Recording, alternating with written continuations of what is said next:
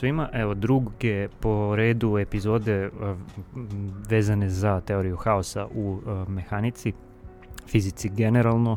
Ovaj, slušali ste prošle nedelje epizodu u kojoj smo pričali o uglavnom klasičnim primjerom iz klasične e, fizike kako, kako definišemo haos, e, kako se sve haos može um, koristiti kao, ajde da kažemo, paradigma za opisivanje ra razno raznih fizičkih i astrofizičkih pojava. Uh, i uh, rekli smo da je sve ono što se odnosilo na, prethodni, na, na prethodnu priču, zapravo uglavnom su to bili klasični sistemi, Um, međutim, uh, jedna velika primjena teorije haosa je u uh, kvantnoj mehanici i uh, evo to je tema danas, uh, odnosno danas ćemo pričati o kvantnom haosu, nastavljamo se na prethodnu epizodu, tako da ko nije poslušao, um, eto bilo bi dobro da posluša prethodnu epizodu ako hoće celu priču da onako ovaj, shvati u, u što je više moguće u celini.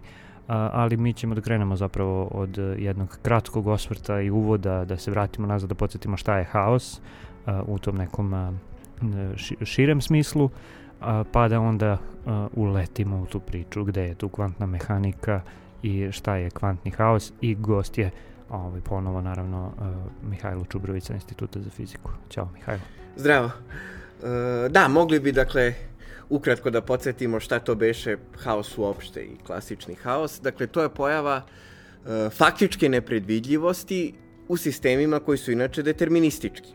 Deterministički znači da isti početni uslovi, to jest isto početno stanje, mora da dovede uvek do istog rezultata. Dakle, ako bi ponavljali neki idealizovani eksperiment pod identičnim uslovima, sa, identičnim poč sa identičnom početnom situacijom, svaki put bi dobili isti rezultat, ali ako bi nešto u početnom trenutku samo malo promenili, onda bi se rezultati vrlo brzo počeli značajno razlikovati.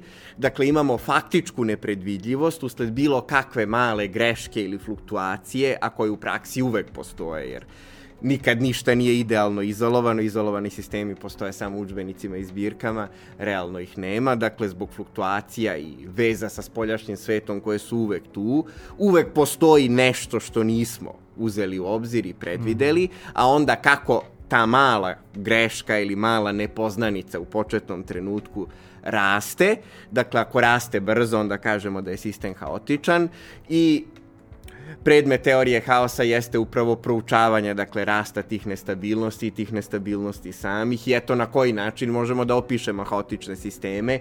Očigledno ne možemo ili veoma teško možemo sa potpunom preciznošću, ali možemo približno, možemo posmatrati njihove statističke karakteristike, dakle, recimo raspodelu verovatnoće, Iako, ponavljam, radi se o determinističkim sistemima, dakle mi u principu imamo jednačine kretanja, kao što recimo ako znamo, kao što recimo ako čvrknemo kliker po stolu, pa recimo da znamo elastične osobine i masu toga klikera, kao i koeficijent trenja stola i znamo tačno kojom smo ga brzinom i u kom pravcu upravili, onda dakle u principu imamo sve informacije. I dakle, mogli bi tačno da rešimo jednačine kretanja, ali ako na stolu ima još klikera o koje se on sudara, onda je sistem haotičan, pa dakle, ima više smisla da pređemo na neki efektivni probabilistički opis. Dakle, mi znamo da u osnovi svega jesu determinističke jednačine, ali dakle možemo prosto, kako se to kaže, da ogrubimo fazni prostor. To je čuvena, čuveni koncept o, ogrubljivanja o, Paula Ehrenfesta, kojim je on u stvari napravio vezu između haosa i da kažem teorije verovatnoće i tog statističkog opisa mm -hmm. i što leži u osnovi Boltzmanovog velikog poduhvata zasnivanja statističke mehanike i tog približnog statističkog opisa mnogočestičnih sistema, dakle, zasnivanja koje se bazira na postojanju haosa, dakle, on prosto opravdava takav opis mhm, postojanjem mm -hmm. haosa, dakle, možemo da izvršimo ogrubljivanje i da govorimo o verovatnoći da se kliker nađe u ovom ili onom delu stola, dakle, da podelimo sto na neke oblasti i onda na taj način da opišemo kretanje. Naravno, ima i drugih mogućnosti. Govorili smo, čini mi se, i o slabom haosu mm -hmm. i o te teoremi Kolmogorova Arnolda Mozara, koja upravo kaže da u nekim slučajevima haos iako postoji, nije mnogo jak i ograničen je, kako se to obično kaže, tako da imamo faktičku stabilnost, mm -hmm. iako kad se dobro pogleda imamo aperiodično i komplikovano kretanje, to jest haotično, i famozni primer je sunčev sistem, pa i mnoge drugi sistemi u astronomiji, dakle, mm -hmm. kao što je još Newton utvrdio, čim imamo tri ili više tela koja se gravitaciono privlače, problem nije rešiv preko elementarnih funkcija, nije integrabilan kako matematičari to kažu. Što znači da se može očekivati haos, da će generički bar neke orbite biti haotične. Mm -hmm. Dakle, već sistem Sunce, Zemlja, Mesec je svakako haotičan ili bar neke orbite u njemu bi bile haotične, da ne govorimo o sunčevom sistemu sa eto osam velikih planeta i gomilo malih. Uh, No i pored toga, dakle, na nekim prilično velikim vremenskim skalama može se pokazati numerički, pa čak i analitički donekle, e, da su planetske orbite globalno stabilne, dakle da postoje neke male oscilacije oko onoga što Keplerovi zakoni predviđaju, dakle oko elipsa sa suncem u jednoj od žiža, ali dakle neće se desiti ništa dramatično. Mm -hmm. Dakle, neće planete početi da se sudaraju ili tako što, mada ako idemo dovoljno daleko u budućnost, onda naravno sve je teže tvrditi tako nešto, a u onoj meri u kojoj se numeričkim modelima može verovati u takvim haotičnim ovaj, sistemima mnogih tela, tako nešto se nekada davno i dešavalo. Dakle, mhm. bilo je nekada drastičnih promena planetskih orbita, uh, redosled planeta po udaljenosti od Sunca nekada je bio drugačiji, time se recimo može objasniti uh, i period intenzivnog bombardovanja uh, meteoritima celog ovog unutrašnjeg sunčevog sistema, što dobro na zemlji manje vidimo jer imamo atmosferu da nas zaštiti koliko toliko, ali eto, znamo, me, znam, znamo kako je meseca izrovan kraterima i to, uh, i to je pre svega posledica tog jednog perioda, tog događaja koji se zove Late Heavy Bombardment ili jel, uh, pozno teško bombardovanja, što je opet izazvano uh, poremećajima usled, uh, usled kretanja planeta, tako da, dakle, eto, videli smo kako postoji čitav spektar, dakle, od slabo haotičnih sistema gde mnogo što što može da se kaže o pojedinačnim orbitama, pa do onih gde je sve što nam preostaje statistički opis, na prvi pogled razočaravajuće, ali u stvari i očaravajuće, jer time otvaramo novu paradigmu i novi svet, time otvaramo statističku fiziku e, i dakle jedan novi pogled koji je jedino i moguć kod sistema sa jako mnogo stepeni mm -hmm. slobode, sa jako mnogo konstituenata i koji je počeo da se razvija u stvari malo pre nego što su ljudi počeli u istinu da se bave haosom, kako to već biva, dakle, oblasti krenu svaka za sebe od nekih obično fenomenoloških ideja, pa se te kasnije povezuju, odnosno dođemo do granice, doguramo do granice ne, neke paradigme, pojave se logički paradoksi i onda na kraju jel, izmislimo nešto novo što nam omogućava prevaziđemo paradoksi da, i da povežemo obe. I na kraju sam čini mi se podsjetio u kojoj meri je e, gubljenje faktičke predvidljivosti u klasičnim determinističkim sistemima. U stvari važna stvar, kažem, na prvi pogled možda ne toliko iznenađujuće, jer je to nešto zašto na kraju svi imamo intuiciju, to jest svi znamo da nema idealno tačne prognoze vremena, da nema na kraju krajeva ni idealno tačne prognoze kuda će da ode lopta koju smo šutnuli, pa to jel, možda na prvi pogled i ne, i ne iznenađuje toliko, ali zapravo uh, za one koji su familijarni sa jednačinama klasične mehanike, zapravo uh, to jeste i na kraju krajeva istorijski je za velike očeve klasične mehanike i bilo iznenađenje, dakle da vrlo, vrlo kontroverzna jedna stvar u suštini, da. E, jeste, da, da, dakle da ono, ovaj koncept e, kosmosa kao, čak, kao satnog mehanizma u stvari ne radi, odnosno radi u idealnom slučaju da sve početne uslove znamo idealno tačno, ali dakle kada Tako toga ne. nema, onda u stvari taj se koncept u potpunosti ruši.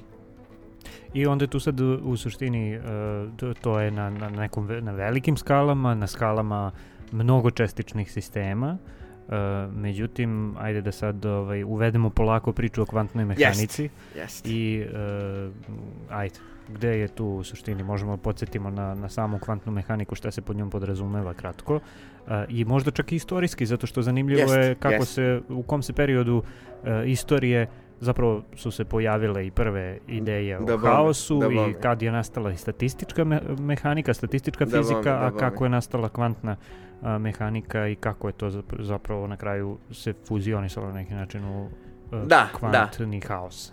E, da, da, da, svakako treba početi od, od opšteg uvoda u kvantnu mehaniku. Iako je danas reč kvantni već prestala da bude usko stručna i ušla u opšti rečnik, ali ovaj, da, vredi podsjetiti o čemu se u stvari radi, a svakako da, e, svakako i podsjetiti se na, na istoriju cele stvari, jer to je sve nekako u slično doba. Dakle, rekli smo, eto, dakle, e, Ljapunovi Poincare negde, znači, na prelazu iz 19. u 20. vek počinju da se bave klasičnim haosom. Statistička mehanika razvija se nešto ranije, dakle, termodinamika kreće već u prvoj polovini 19. veka, zatim dolaze Gibbs pa Boltzmann, ali eto, dakle, tu negde oko 1900. godine Boltzmann se još uvek intenzivno rve sa problemom da pomiri verova, svoje verovatnoće, uh, odnosno jel, verovat, raspodele verovatnoće komu se pavlju u kinetičkim jednačinama sa determinističkom mehanikom i da, da objasni, dakle, da objasni poreklo te faktičke reverzibilnosti vremena. Vratit ću se na to, bavit ćemo se time još, tako da, dakle, eto, dakle, otprilike u isto to vreme kad se razvija i zasniva statistička mehanika i kad počinje ova nelinarna dinamika ili teorija haosa, otprilike u to vreme, dakle, počinje i kvantna mehanika. E, obično se kaže sa Plankom i njegovim zakonom zračenja, koji je napisan, ako me sećanje ne vara, upravo decembra 1900. Te, mislim da je rad nešto kasnije objavljen, ali da je prosto u Plankovoj zaoštavštini nađen datirani zapis u nekoj od njegovih svezaka iz decembra 1900. Te, dakle, kao što se često ističe, upravo u predvečerje 20. veka, sasvim prigodno. Predveč, Predvečer je 19. zapravo. Pa, odnosno, da, je, da, da, da, da, to da, jest da. pred, da, pred početak 20. veka, dakle, gde on u pokušaju da objasni krivu zračenja crnog tela, dakle, uvodi pretpostavku o kvantima. E sad, dakle, šta bi bilo crno telo? E, iza tog misterioznog naziva krije se sasvim jednostavan koncept, dakle, to bi bilo telo koje upija svo zračenje koje do njega dolazi. Da ne bude slučajno zabune i konfuzije sa crnom rupom, ogromna razlika u odnosu na crnu rupu jeste to što crno telo može sasvim fino i da zrači. I zrači. Poenta je prosto u tome da sve što do njega dopre ono upija, dakle ne reflektuje svetlost, već upija sve, ali pošto se, na, pošto se na taj način zagreje, može da zrači i zrači. Dakle, to je, to je velika razlika u odnosu na crnu rupu, zapravo nema veze, ali prosto može neko da, ovaj, da se zbuni. Dakle, jedno i drugo sve upijaju, ali crna rupa ne može da zrači, jer je gravitacija tako jaka da sve zadržava, dok crno telo zrači sasvim fino i šta više, to je upravo najjednostavniji model zračenja, dakle, unutra ti, ovaj, kako ih da nazovemo, fotoni, odnosno, jel te, ovaj... Čestice čest, čestice, jel, ova, elementarne ekscitacije elektromagnetnog zračenja, dakle, dostignu termodinamičku ravnotežu sa, recimo, zidovima crnog tela, tako da crno delo zrači na vrlo jednostavan način, može da se modelira praktično idealnim gasom. Uh, idealnim gasom fotona. I celu stvar je vrlo lako i napraviti. To je česta vežba u gimnazijama, o, petnici i tako dalje. Dakle, to može da bude, jel, znači, ma kakav ono, nagaravljeni valjak, smešten odgovarajuću crnu kutiju ili tako nešto, onda, znači, možemo da mu merimo temperaturu i, dakle, ovaj, i da se, recimo, još meri intenzitet zračenja i da se na taj način proveri Plankova kriva. Dakle, može se izračunati lako, dakle, kako treba da izgleda spektar zračenja crnog tela ili, recimo, jel, dakle, u zavisnosti od frekvencije, od frekvencije zračenja, znači koliko su elektromagnetni talas, jel da, gusti, koliko su one koliko su brda i doline u talasu jel međusobno približeni i u zavisnosti od temperaturi, dakle koli, u, i u zavisnosti od temperature, dakle koliko intenzivno treba da zrači. Pre Planka, dakle, mo, mo, dakle mogle su se o, o, mogle su se objasniti najmanje i najveće energije, odnosno uh, Da, dakle, najmanje i najveće frekvencije, Frekvencije, dakle, da. jedno i drugo je, dakle, moglo nekako da se uklopi, ali niko nije mogao da objasni celu krivu.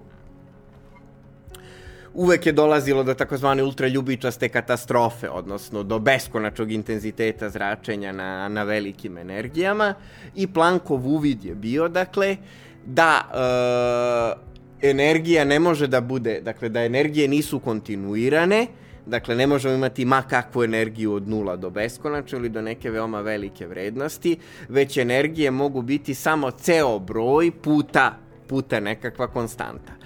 E, nejasno je do dan danas koliko je meni poznato u kojoj meri je ta pretpostavka bila kod njega stvar uh, računske pogodnosti ili stvar intuicije ili stvar ideje. Obično se može pročitati da je to bila čisto stvar numeričke pogodnosti, da je prosto shvatio da, eto, o, kako se to kaže, integral, odnosno znači sabiranje po kontinualnim frekvencijama ne konvergira, a red, odnosno sabiranje po velikom ali konačnom broju frekvencija konvergira. E, s druge strane, opet e, naiđoh nekad i na, i na faksimil ovaj, nekih od njegovih ranih beležaka, gde uh, na toj stranici gde dakle piše red, jel, diskretni red i sabira ga, stoji na margini nekakva zabeleška Uh, zaboravio sam doslovno, ali nešto u smislu velika ideja ili veliki prodor, odnosno da možda za njega ipak to ni, i nije bila samo numerička pogodnost, već je mhm, shvatio da je da to odražava i fiziku. Bilo kako bilo, velika ideja jeste bila, pre ili kasnije i on i drugi su postali toga svesni. Dakle, u istinu, dakle, ako gledamo dakle, ako gledamo dovoljno ako gledamo dovoljno duboko u mikrosvet, dakle ako gledamo male čestice i tela malih dimenzija, a fotoni, to jest kvanti svetlosti, dakle ti paketi energije, koje nazivamo kvanti, dakle svakako jesu mali, u tom slučaju, dakle, u tom slučaju, dakle, moramo uzeti u obzir, dakle, da je spektar energija diskretan, dakle, da nisu moguće, dakle, sve, dakle, da nisu Bilo moguće sve vrednosti, već mhm. prosto, dakle, jedan puta neka konstanta, koju obično zovemo danas Planckova konstanta, dva puta Planckova konstanta, tri puta Planckova konstanta i tako dalje.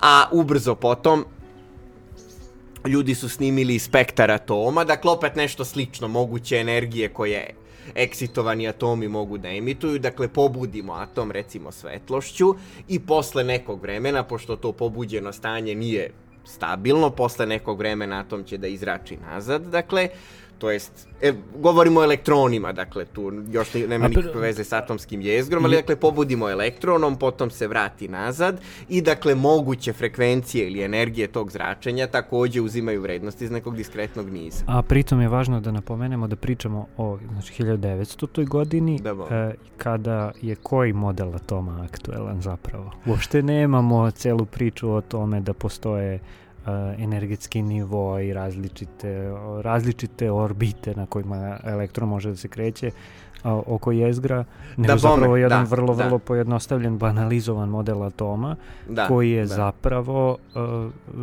nekako ono, sme, smenjen upravo time što je Planckov... Uh, jeste, da, da, odnosno upravo ljudi počinju i da se pitaju o atomskoj strukturi, uh, sve do malo pre toga tačkasti atomi ili atomi kao malene kuglice bili su sasvim dobri. Tada mm -hmm. se pojavljuje model puding sa šljivama, odnosno pozitivno naelektrisano jezgro u kojoj su poput šljiva tu i tamo pozabadani elektroni.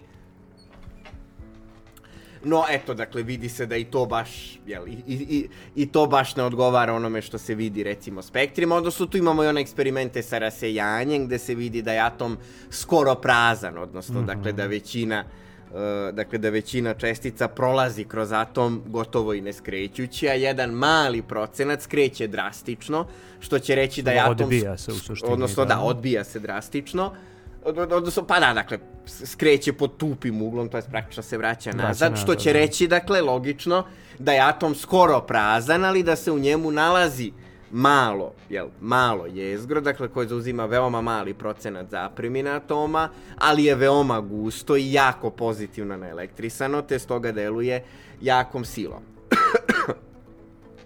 I tu se moglo, dakle, maštati o prosto klasičnim orbitama, odnosno to je famozni Rutherfordov ili planetarni model, dakle prosto elektroni koji se poput planeta kreću oko Sunca, samo što tu sila koja ih pokreće i drži na određenom rastojanju na eliptičnim orbitama nije gravitaciona, već elektromagnetna i elektroni su negativno naelektrisani, a jezgro je pozitivno naelektrisano.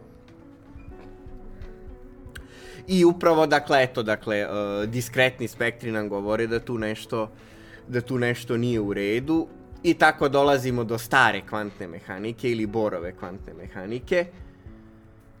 I to je možda najveći uh, najveći idejni skok, mada dobro i ovo Plankovo kao prvi početak, da, ali dakle ovo Borovo je dakle zaista zaista idejni skok, da, ovaj prava, da, prava revolucija.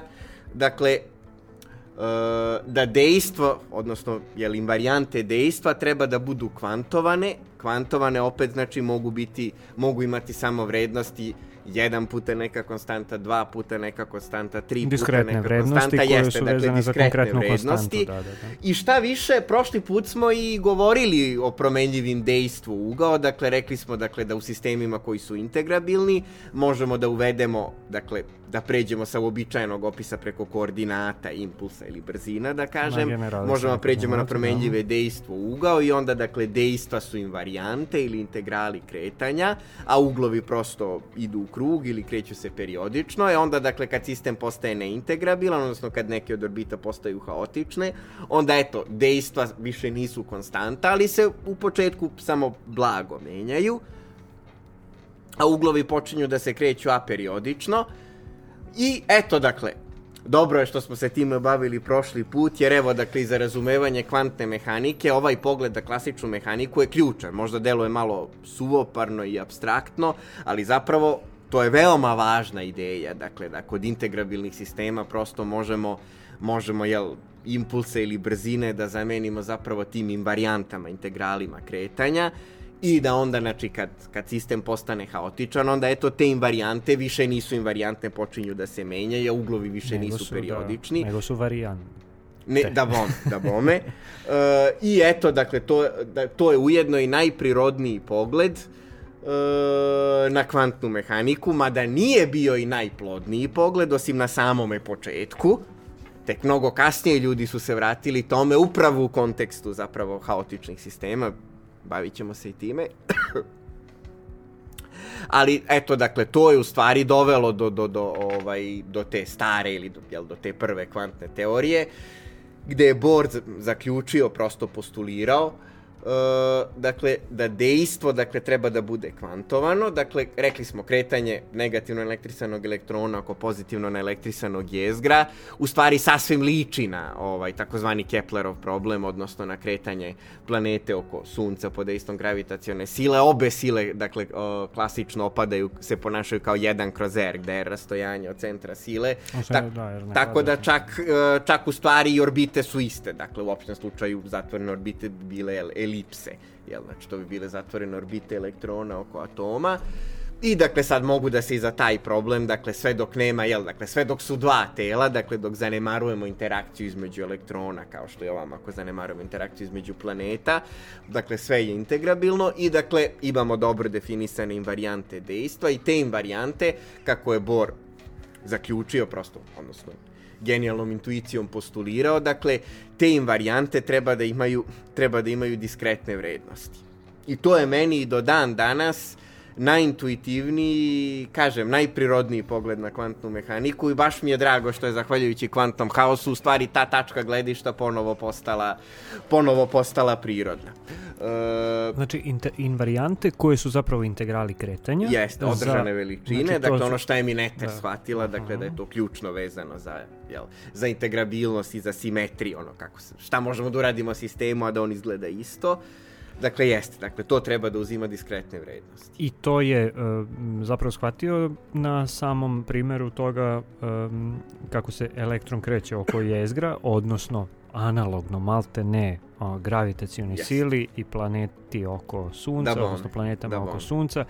A, integrali kretanja su invarijante u regularnim sistemima u klasičnoj mehanici, planete oko Da Sunca, da a, i, ali su kontinualne veličine, Da međutim, bome, mo, mogu kada- tako je, da kao što je Planck došao do ideje da energija mora da bude kvantovana ako hoćemo da Da opišemo uh, krivu uh, intenziteta zračenja. Dakle, u ovom slučaju radi se o apsolutno energiji tela. fotona, to je tih da. kvantova elektromagnetnog Da, da, da. zračenja, da. Ovde, ako uzmemo model atoma i elektron oko jezgra, da bismo zapravo opisali uh, kretanje elektrona oko jezgra, odnosno strukturu atoma, Mhm. mi uh, invarijante kretanja, koji su integrali kretanja uh, u uh, takvom Da, sistemu moraju da budu diskretni, odnosno kvantovani. To je to. Jeste. Da.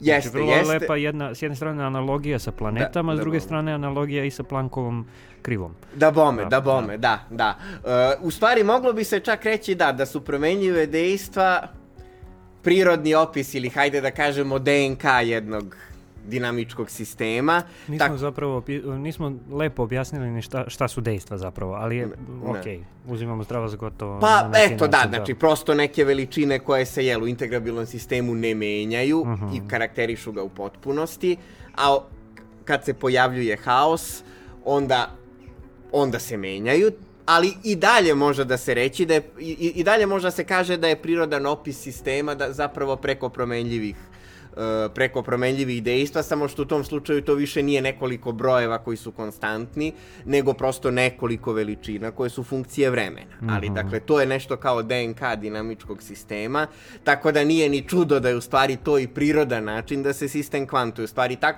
tako se zaista vidi dubina i korisnost jednog pojma u nauci, u kojoj meri njegov domen može da se proširi. Mhm, Odnosno, koliko daleko s njim može da se ode i evo, opet, uh, nasuprot uh, nasuprot da kažem dugo uobičajenoj praksi izgleda čak i u kvantnoj teoriji polja gde tih dejstava ima beskonačno mnogo i tako dosta se drugčije ponašaju, ali dakle čak i u kvantnoj teoriji polja ako hoćemo da gledamo dinamiku recimo i tako još neke specifične stvari, zapravo opet te promenljive ovaj, dejstvo ugao zapravo zapravo su na neki način najprirodnije i odatle se vidi ovaj odatle se vidi koliko je to u stvari prirodno i ovaj, koliko je to dubok pojam. Tako da, dakle, eto, na taj način Bohr je došao do kvantne mehanike i to je zaista i objasnilo već postojeće eksperimentalne rezultate o spektralnim linijama, pa je onda to naravno testirano i na drugim sistemima, to je statom šta se desi kad imamo cepanje u prisustvu magnetnog polja i Da, tako da, da, dalje. da. E, međutim, međutim, cela stvar je uskoro udarila u zid. Mhm.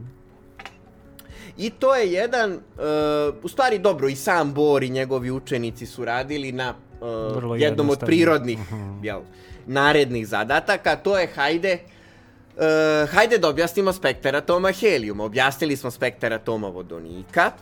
E, I zašto nam je atom vodonika tu bitan? Da podsjetim, vodonik je onaj prvi element, redni broj 1, ima jedan proton u jezgru i jedan elektron okolo. Dakle, to je zaista sistem dva tela, on je zaista integrabilan.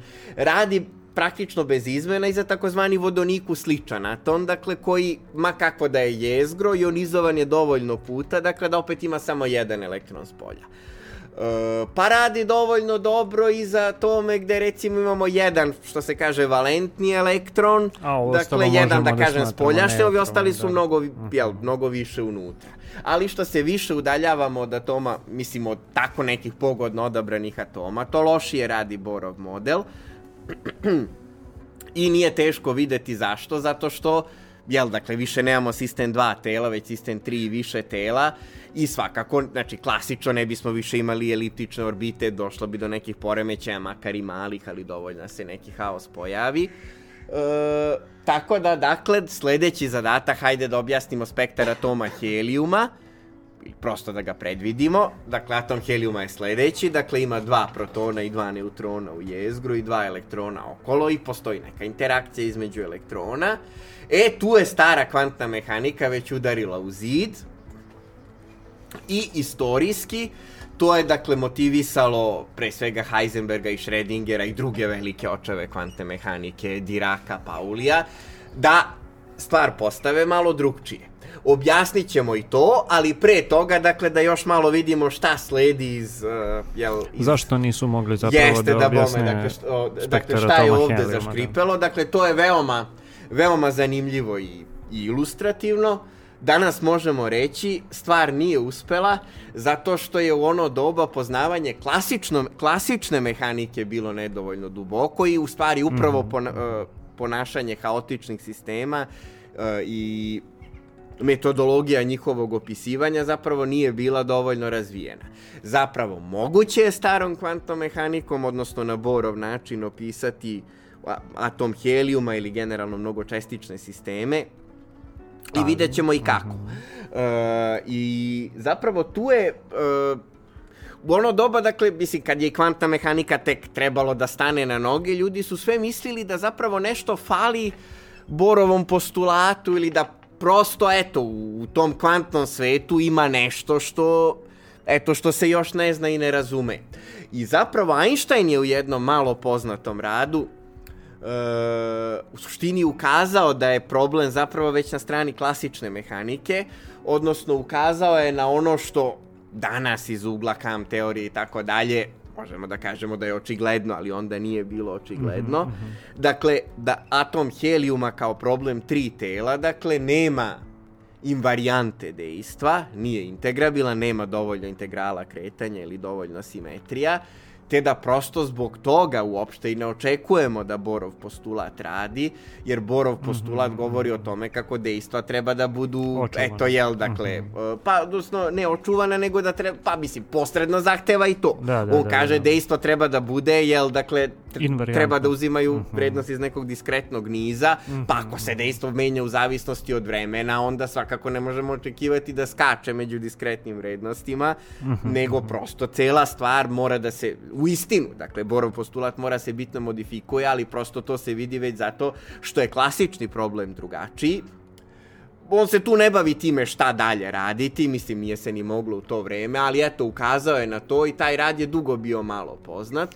Koja je to godina, jel znaš? Jel to e, Da li pre- 19. 20. ili 21. Aha, tako znači nešto. to je nakon cele serije radova sa uh, specijalnom opštom. Jeste, jeste, da bome, da bome, da, da, da. Fotoelektrični afikat i tako dalje, to, to je sve bilo pre. Da, da, da, da, to Mhm. pre, da, pa, ovaj, da, to je iz tog poslednjeg perioda Mhm, Einsteinovog mhm. stvaranja, gde to nešto malo se bavio kosmologijom, imao je taj malo primećeni rad i posle imao, dobro, još kasnije, 30-ih, ona dva rada ovaj, e, u vezi jel, EPR paradoksa, dakle, sa jel, distantnim merenjima u kvantnoj mehanici i onaj Einstein, onaj je bio Einstein Podolski Rosen, ovo je samo Einstein Rosen.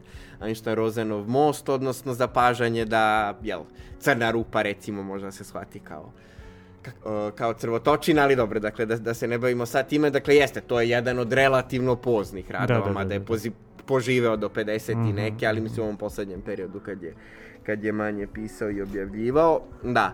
E, tako da, dakle, tu je već u suštini objašnjeno zašto nešto treba da se promeni i ljudi su zbilja, dakle, pošli drugim tokom. Dakle, Schrödinger je ispisao, dakle, talasnu jednačinu, odnosno došao je na ideju, dakle, da e, da u kvantnom svetu čestice treba da se shvate kao talasi. E, i ispisao je jednačinu koja zapravo, jel, koja zapravo opisuje kretanje kretanje talasa, u stvari. Uh, više liči na jednačinu difuzije, dakle na jednačina koja nam kaže kako se mastilo recimo širi kroz vodu kad ga sipamo, s tim, sto, s tim što postoji jedna važna razlika, postoji jedna imaginarna jedinica ispred, uh, dakle da, kao da radimo da, znači sa kompleksnim koeficijentom difuzije, da Mhm. tako kažem, i zato rešenja i, i izgledaju drugačije. E, ali zapravo Schrödingerova jednačina može da se dobije upravo ako krenemo od klasičnog recimo zakona održanja energije ili od onog što smo prošli put isto spominjali tog analitičkog formalizma od te Hamiltonove funkcije Mhm, mhm. i onda je kvantujemo na određeni način odnosno kvantni odnosno klasičnim koordinatama impulsima pridružimo određene kvantne operatore i on je pretpostavio da zapravo dakle taj talas jeste talas gustine na elektrisanja, recimo za elektron. E onda je, jel, dakle, onda je došla, dakle, ona fam, ovaj, dakle, famozni ovaj, ovaj, onaj famozni uvid, dakle da u stvari to nije nikakav talas na elektrisanja, nego naprosto talas verovatnoće. Ovaj, I, dakle, jel, dakle, interpretacija, dakle, da, jel, da, odno, psi, odnosno, preciznije kvadrat modula od psi, jel, kvadrat modula te kompleksne funkcije, uh mhm. jeste prosto verovatnoće, dakle, da će se elektron naći zapravo. Jeste, dakle, da će se elektron naći. Dakle, tu imamo, eto, dakle, prvi put, dakle, verovatnoće u kontekstu uh mhm. -huh. kvantne mehanike. Uh, a otprilike istovremeno, dakle, Heisenberg stvara svoju matričnu mehaniku za koju, i, za koju se potom ispostavilo da je ekvivalentna ovoj Schrödingerovoj talasnoj. Odnosno, Schrödinger, dakle, neposredno, dakle, piše matricu ili da kažemo tabelu sa opet frekvencijama ili energijama prelaza, dakle, između različitih nivoa, recimo za harmonijski oscilator, nebitno sad, dakle, za neki sistem. I, dakle, onda, dakle, računa amplitude ili da, to, da kažemo to su opet verovatnoće prelaza između pojedinih energija. Tako dakle u oba slučaja dakle imamo imamo verovatnoće. Dakle s jedne strane pojavljuje se, dakle pojavljuju se dva ključna koncepta koji su već ušli u pop kulturu. Dakle, jedan je taj dualizam talas čestica, mm -hmm, dakle da s jedne strane dakle kvantne čestice opisujemo talasnom jednačinom, i da se znamo na eksperiment sa dve pukotine, dakle da se čestice poput elektrona dakle ponašaju kao talasi, odnosno dobijemo sliku difrakcije, slično kao kad imamo, jel, kao kad imamo svetlost koja prolazi mm -hmm, kroz usku mm -hmm. pukotinu. I obrnuto. Ako o, I obrnuto da bome, dakle s druge strane jeste, dakle svetlost se ponaša kao sastavljena iz diskretnih čestica, što vidimo već eto iz Plankovog zakona, dakle gde ono kao da imamo dakle nek, neki ono makar i veliki, ali ceo broj dakle, ili fotoelektričnog efekta ili jeste odnosno, fotoelektrični efekt dakle takođe kako nam rade čipovi na, na ovaj odnosno senzori na kamerama i dakle. jeste da bome dakle koji prosto govori dakle da jel dakle da uh, dakle da kada svetlost padne na recimo neki metal, dakle ona može jel, saopštiti elektronima u tom metalu dovoljnu energiju da ih izbaci napolje, ali dakle taj se proces može razumeti jedino na način da, skret, da svetlost stiže u vidu diskretnih čestica. Paketiće, tako da. Jeste, ili, ovaj, ili diskretnih paketa, i izbija diskretne vrednosti Jeste, da bome, jer prosto mora da ima dovoljnu, dovoljnu frekvenciju da bome. Dakle, možemo koliko hoćemo da zračimo svetlošću koja ima frekvenciju ispod neke neophodne, dakle nećemo dobiti ništa, dok s druge strane možemo čak i na kratko i svetlošću malog intenziteta ili visoke frekvencije da izračimo i izbićemo elektron. Šta to znači? Pa to znači da elektron ima neku minimalnu, opet diskretnu energiju mm -hmm. vezivanja, Znači moramo minimalno tu energiju da mu ovaj da mu saopštimo da bismo ga izbili, a isto tako dakle energija koja dolazi je u vidu diskretnih paketa, tako da dakle jel jedan paket odnosno jedan foton izbija jedan elektron. Dakle mo, ovaj možemo Određene, do sutra mož, ovaj da ga zračimo manjom ovaj, svetlošću manje energije, da mu saopštimo Neće, da. ogromnu ukupnu količinu energije, ali prosto to džabe jer oslobađanje jednog elektrona je diskretan efekt. Mm -hmm. Tako da, dakle, s jedne strane imamo, dakle, tu dualnost talas čestica, svetlost se ponekad ponaša i kao čestica, e, elektron se ponekad ponaša i kao talas, I eto, u vezi s tim je, mislim, eto i ova diskretnost spektra mm -hmm, i tako mhm, dalje. Mm -hmm. A s druge strane imamo taj famozni koncept verovatnoće. Dakle, da postoji samo neka verovatnoća da recimo sistem pređe iz jednog stanja u drugo i samo neka verovatnoća da česticu vidimo na određenom, da česticu nađemo na određenom mestu. Dakle, Čak Nemamo. i kod jednočestičnih sistema, mm -hmm, dakle, mm -hmm. nema determinizma u smislu koordinate impulsa. Uh, već, već samo verovatnoća. E sad, naravno, ovo drugo je, bio još, je bila još šokantnija posledica kvantne mehanike i predmet je lomljenja mnogih kopalja do danas. Odnosno, e, mi sad ne samo da suprotstavljamo determinizmu jednu vrstu e, indeterminizma, nego uvodimo potpuno novu ono, paradigmu probabilizma. Odnosno, e, da sve, jeste, dobro rečeno, da zapravo, da bome, da bome. Da. da sve temeljimo na verovatnoćama. Da, položaj, da šta god, kako da god da to definišemo, mm. znači da, da, da um, čestica ili šta god u nekom faznom prostoru neće biti određena jednim vektorom zapravo sa, a, kako se zove, sa ono, realnom vrednošću, vrednošću uslovno rečeno, nego zapravo verovatnoćom da se ta čestica nalazi baš u toj tački faznog prostora.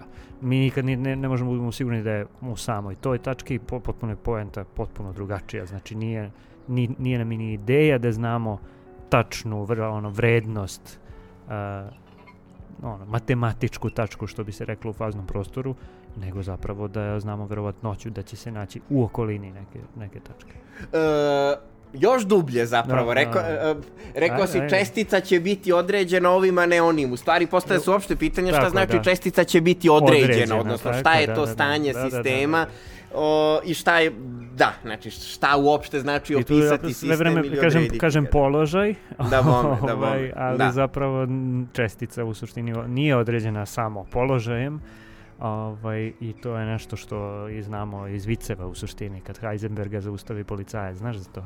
A da, da, da. Pa, ne, ga, o, pa ga pita, ovaj, gospodine, znate vi ovaj, koliko ste brzo vozili? On kaže, ne, ali znamo gde se nalazim. ali zato tačno znam gde se nalazim. Jeste, dakle, famozne Heisenbergove relacije neodređenosti, dakle, Cringe da postoje, ovaj, da, dakle, da postoje parovi, da kažem, parovi promenljivih ili osobina sistema, uh, gde precizno određivanje jednog od njih, uh, drugi čini krajnje neodređenim i nikada se ni jedan, dakle, ne može odrediti potpuno precizno, već proizvod njihovih neodređenosti mora imati Neku vrstu... neku minimalnu vrednost, dakle recimo što mhm. preciznije merimo koordinatu, tim manje znamo o impulsu i obrnuto i nije slučajno da je baš to jedan par, jer dakle upravo taj, taj znači recimo promenljive dejstvo ugao takođe čine recimo jedan par takvih konjugovanih promenljivih. Samo što je ovdje mnogo jednostavnije da se razume zapravo. Sa Da, da, naravno, naravno, da, da. Veličinama poput položaja i brzine. Jeste, da, poput, Da. to je naj, Odnosno naj, impulsa, najjasnije, da. jeste što mu preciznije izmerimo položaj, to manje precizno znamo brzinu i obrnuto,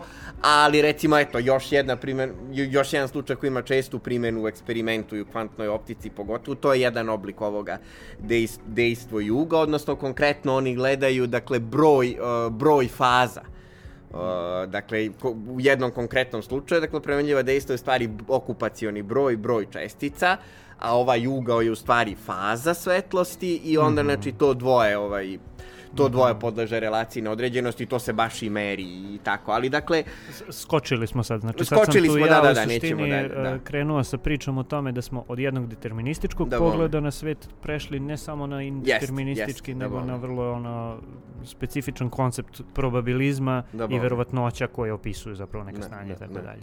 Da. A, iz toga naravno sledi kasnije i princip neodređenosti i Da, bome, ovaj, da, to, bome, to je da. nešto što je važno u Da. suštini za haos ali ajde da, da, da pre nego što napravimo jednu pauzu da možda u, na, ono, sad narednih ono 4-5 minuta Mhm. a, objasnimo šta je zapravo probabilistička Jeste. mehanika donela jeste, a, jeste, š- da. što je m, usmerilo um, kvantnu mehaniku u ono jednu zanimljivu vezu sa haosom. Jeste, jeste, jeste, da, u, upravo sam to i hteo, da, dakle, naravno, ne možemo se sada baviti pitanjem uh, uzročnosti i slučajnosti u kvantnoj mehanici, ovaj, nikako, ali, eto, upravo to, dakle, makar za nekoliko minuta vredi sumirati, dakle, o čemu se radi, da bismo posle videli, eto, znači, šta nam to donosi u vezi haosa. Jeste, dakle, uh, to je, to je možda naj... Uh, Pa dobro, u stvari, mislim, svakako, mislim, jel, posle ove Newtonove revolucije koja je uopšte donela nauku, mod, prirodne nauke u modernom smislu, ovo je svakako najdublja i najekstremnija revolucija. E, dublja promena paradigme po meni nego specijalna i čak opšta relativnost, daleko od toga da ono nije revolucionarno. Dakle, ali jeste, dakle, ovde se sami pojmovi, dakle, šta je to sistem, šta je to stanje i šta su to jednačine kretanja menjaju. E, da, i to pre svega, dakle, zbog uvođenja, pre svega, dakle, zbog uvođenja verovatnoća. Mhm, Dakle, mhm. e, znamo, dakle, da, jel, dakle, da pokušaj da se kvantna mehanika napiše kao statistička teorija nisu urodili plodom u smislu da možemo dobiti nešto što liči na kvantnu mehaniku, ali joj nije baš identično, tako da, dakle, možemo u eksperimentu e, prosto proveriti o čemu se radi i dakle uvek se pokazuje dakle da je kvantna mehanika, dakle da eksperiment podržava kvantnu mehaniku, a ne dakle A ne ove neke pokušaje da, da, da. statističkih teorija, tako da dakle slučajnost je ovde dakle nesvodiva na uzročnost ili bar bar ono dakle nije ni na kako, ono, dakle,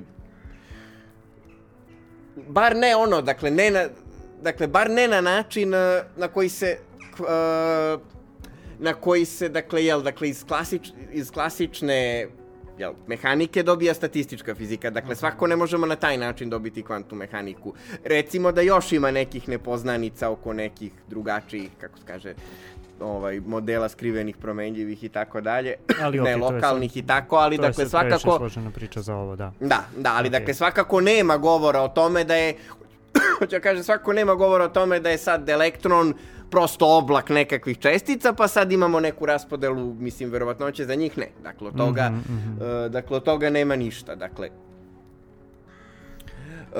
tako da, dakle, treba, da, znači, treba na potpuno drugi način, dakle, jel, sagledati uopšte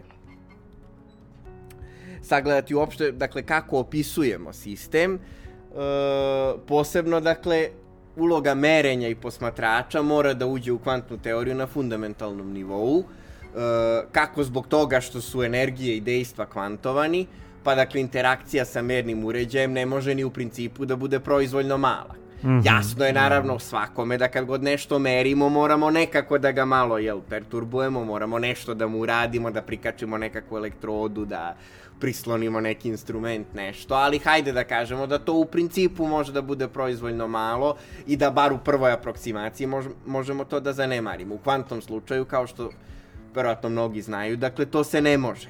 Merenje upravo, kako se to kaže, projektuje sistem u neko od tih diskretnih stanja, dok pre toga sistem i ne mora da se nalazi ni u jednom stanju, već se ponaša kao talas, odnosno Mhm, u nekakvoj superpoziciji. I to je jedan od tih principa koji je, ovaj, Jeste, da, da. o, kako se kaže, opisan u suštini onako poetski, metaforički kroz onu priču o drvetu u šumi. Ovaj, ako drvo padne u šumi, a mi nismo videli da je drvo palo A, misliš da ono li je tako? Berkelijevo, jeste, da, da, da. da, Da li je to drvo zapravo palo ili nije? Jeste, I to da, je ovo, da, znači da. mi u suštini kada merimo sistem, nama to samo merenje, odnosno koncept e, ideje toga šta je merenje Da, je da, zapravo upravo da. ta projekcija. Da, pa dobro, ne bih, ne bih baš možda išao toliko Možda daleko sa banalizam, interpretacijom, jer Berkeley nas ubeđuje da u stvari ono što nije percipirano i ne postoji. Tako, Kvanta da. mehanika sama po sebi ništa nam ne, ništa ne tvrdi o egzistenciji, ali u svakom slučaju, dakle, u svakom slučaju, dakle, ne postoji određena vrednost, da kažem, jel, neke observable neke fizičke veličine, dok se ona ne Mhm, izmeri sad mhm. da li postoji ili ne postoji, da li sistem postoji ili ne postoji. Uh, o tome možemo imati različita mišljenja, ali u svakom slučaju, dakle, merenje i posmatrač moraju da uđu u teoriju na fundamentalnom nivou, pa tako, dakle, imamo različite, eto, i to je nešto što u nauci pre toga nije postojalo, pojam interpretacije teorije pojavio se sa kvantnom mehanikom. Mhm. Dakle, imamo različite interpretacije, dakle, ovu da kažem, Borovu ili Kopenhagensku, koja je strogo operacionalistička i pozitivistička, odnosno, kako se to kaže u žargonu, uh, jel, odnosno kao što je, ne znam ko, možda čak i Feynman, Feynman. pripisuje se nekom fizičaru, ne znam da li je istina ili samo anegdota, ali dakle pripisuje mu se da je rekao umuknite i računajte, dakle prosto ništa i ne treba interpretirati, važno je da možemo dobiti brojeve tako koje da. možemo uporediti sa Shut up eksperimentom. and calculate, ja, da. To, Da, da, to. Feynman, da. Da, da. Pa da, to liči na njega, da. To liči na njega. Lično se ne mogu složiti sa takvom tačkom gledišta, treba teoriju razumeti maksimalno ozbiljno i videti koliko se iz nje može izvući. Zatim postoji srodna, ali ipak nešto drugačija interpretacija Heisenberga, gde on pokušava u stvari da da neku, dakle takođe nas ubeđuje dakle da uzročnost nije svodljiva na, dakle, odnosno izvinjavam se, da, stati, da kvanta statističnost nije svodljiva na uzročnost, ali ima onu interpretaciju da, eto, recimo, relacije neodređenosti dolaze odatle što, ako hoćemo veoma precizno da utvrdimo položaj čestice, moramo je osvetliti jakom svetlošću da bismo je dobro videli, ali onda čestica upija tu svetlost i samim tim njena energija se menja, čestica se eksituje, samim tim menja se i brzina i obrnuto, dakle, dakle, on ima taj neki, dakle, u stvari, uh, jel da kažem, realistički pristup To, tome, to, dakle, da. insistira na nesvodljivosti, na uzročnost, ali, dakle, on tvrdi da je to prosto posledica, dakle, konkretnih procesa, dakle, između mernog uređaja i, uh, između mernog uređaja i I se sistema, u sistemu, da. mada zapravo i on dopušta zapravo na kraju da u tome ima i neke, odnosno, da na neki način, dakle, jel, može postojati neko da kažem, odnosno dakle da tačne vrednosti u svakom trenutku možda i mogu postojati, ali su nespoznatljive, odnosno u jednom od svojih eseja uh, on ima tu čuvenu rečenicu, dakle, jel, uh, priroda može biti u principu nezavisna ili skoro nezavisna od postojanja živih posmatrača pod uslovom da se ovi nalaze dovoljno daleko, odnosno da je interakcija postane ono mhm, zanemarljivo mhm. mala ali fizika ne može biti nezavisna od činjenice da fiziku rade ljudi, odnosno da tako, prosto tako, naš tako. aparat i naše sposobnosti su takve da, da ne možemo otići dalje. I ali to je, je bilo... ono ant antropički princip u suštini samo vezan za... Da, da, za, da, nije se da. tako zvao u to tako, vreme, ali da, jeste u suštini mm -hmm. to, dakle da, ovaj, dakle da Dakle, ako nesvodljivost na uzročnost možda i nije u strogom smislu reči fundamentalno, ona jeste fundamentalno vezana za... Čoveka, uh, kao uh, da, nekog ko, jeste, dakle, ko je smislio naše, pojam uzročnosti. jeste, dakle, za nas koji se time bavimo postojali su i pokušaji da se stvar daleko konkretnije interpretira i svede na neku subkvantnu teoriju, na primer ovaj, ona Bom de Broljeva teorija pilot talasa, gde postoji čestica i talas, odnosno postoji neko polje sa talasima, ali onda čestica se kreće u tom polju i na neki način interaguje sa talasom.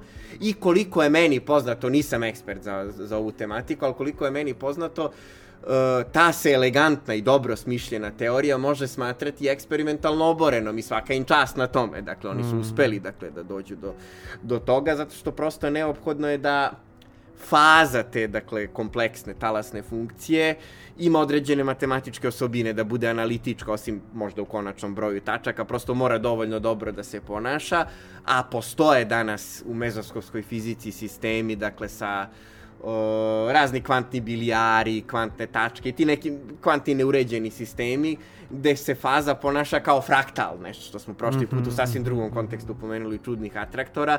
Ovde prosto faza te talasne funkcije se ponaša kao fraktal.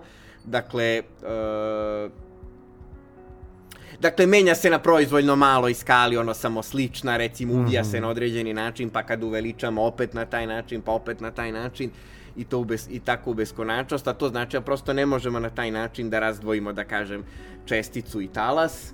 Onda postoji ova interpretacija mnogih svetova, Everetova, dakle, gde Uh, merenje i kolaps talasne funkcije pri merenju opet treba shvatiti bukvalno, dakle da se da prosto imamo mnogo kopija sveta, tako da dakle svaki se mogući ishod eksperimenta realizuje u jednom, u jednom svetu ili u jednom da. kosmosu. Mm -hmm, mm -hmm. tako da dakle uh, postoji probabilizam, ali prosto zbog toga što ono, na, mi se nađemo u jednom od tih mnogih kosmosa.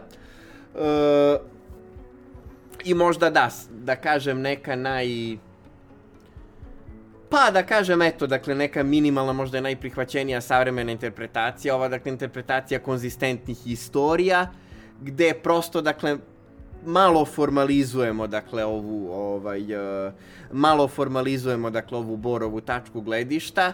I ipak damo makar nekakvu interpretaciju zato su meni ove konzistentne istorije ipak nešto prihvatljivije. Ne mogu se složiti sa tim strogim strogim pozitivizmom nikako ali dakle ovde dakle ovde se prosto stvar malo formalnije logički zapisuje odnosno dakle imamo mogućnost raznih konzistentnih dakle mm -hmm. istorija, dakle u zavisnosti od toga kakvo smo merenje vršili i šta smo vršili, tako da dakle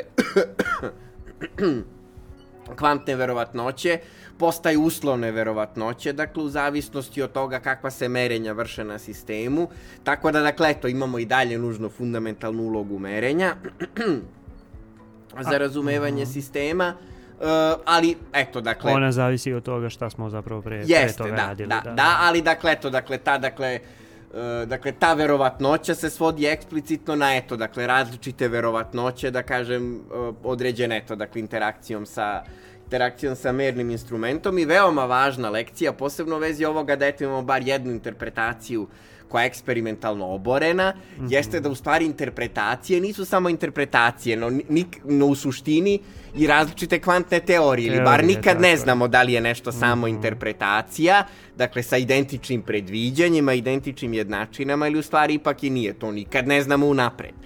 To nikad ne znamo unapred, tako da, dakle, u kontekstu svega ovoga, dakle, pojavljuje se sada pitanje kako se odnose efektivna nepredvidljivost, dakle koju nam donosi kvantni haos, s jedne strane, i s druge strane ova fundamentalna nepredvidljivost, dakle koju Uh, dakle, koju predviđa kvantna mehanika, dakle, šta znači jedna, šta znači druga. Tu je tu sad zbilja zanimljivo, tu je sad, dakle, zbilja zanimljivo, dakle, mislim, dve vrste, da kažem, neke efektivne nepredvidljivosti, ali veoma različite i sad, dakle, kako se, kako se odnose jedna prema drugoj i kako se to interpretira.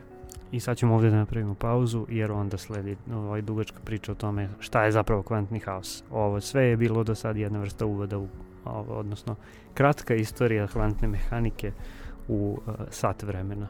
Uh, pravimo pauzu pa se vraćamo.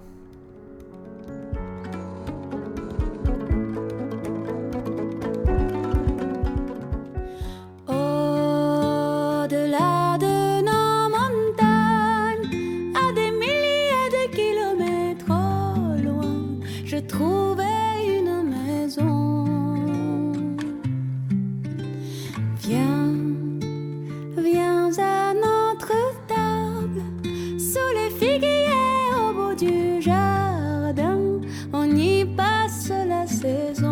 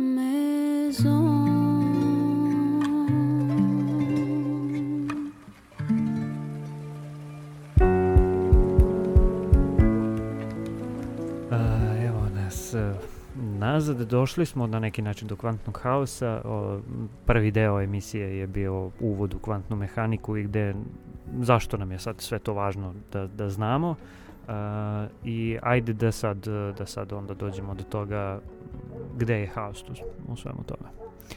I um, kad smo se spremali, ti si ovaj, meni napisao neke od ono, tezica koje kroz koje možemo da prođemo i jedna od teza je ovaj kako se zove zvučala jedna od teza je bila nikoga nije briga dok nismo naučili da budemo bez brige i volimo bombu. jeste, jeste, da, pade mi ove, ove, film Dr. Strangelove, jeste. Da, ove razne stvari druge su ovaj, kako se kaže, vrlo jasno određene i tako dalje, ali šta što to znači i kako je to Pa eto, dakle, još, još jedno polje gde su uh, mnogobrojne veoma aktualne primjene nuklearne fizike, a pre svega naravno na oružje, jer je to uvek uh, uh, pogotovo ono doba, jel, dakle, bilo pitanje od najvećeg od najvećeg pritiska i najveće, najveće neposredne važnosti. Dakle, E, dakle, jedna od naučnih vajdi, dakle, razvoja nuklearnog naoružanja i uopšte nuklearnih tehnologija, jeste da se tu u stvari pojavila motivacija da se proučava kvantni haos. Dakle, kvantni haos je prvo u tom kontekstu proučen. Rekli smo da su se ljudi sudarili sa neintegrabilnim sistemima, već, dakle, kad su Bor i njegovi učenici pokušali na onaj najjednostavniji način da... Opišu uh, helijum. Jeste, da opišu helijum, pa je Einstein u stvari ukazao na to da tu nešto mora da se menja prosto zato što je klasična mehanika takvog sistema haotična, ali dakle to nikoga nije preterano zainteresovalo, jer eto, dakle, pojavila se ova, da kažem, nova, savremenija kvantna mehanika, e, gde se prosto ne kvantuju dejstva, nego se piše ta talasna jednačina i podređenim pravilima piše se ti kvantomehanički operatori i tako dalje. To je gde prosto i za haotične sisteme mogu da se napišu jednačine. E sad, koliko je lako rešiti ih, to je drugo pitanje, ali prosto eto, ljudi se nisu bavili tim aspektima, dinamikom, kako se povećava inicijalno mala perturbacija, jer je, kažem, otkriven čitav novi svet, s jedne strane neverovatno bogata fenomenologija, nova, uh, svet, eto, atomskih spektara, pa onda i molekula, pa onda i primene u čvrstom stanju, dakle, elektroni u, recimo, u metalima, u čvrstim telima, dakle, mnogi novi svetovi, a s druge strane, kažem, uh, i ove fundamentalne, i ova fundamentalna duboka pitanja kvantne teorije, dakle, pre svega u vezi je, uzročnosti i statističnosti, zaokupila su velike umove u potpunosti, prosto nikom nije palo na pamet da se posebno interesuje pitanjem, eto šta bude kad kvantujemo haos, odnosno kad kvantujemo neki haotični sistem, jer e, da, dodatni faktor je zapravo bio da je i kvantna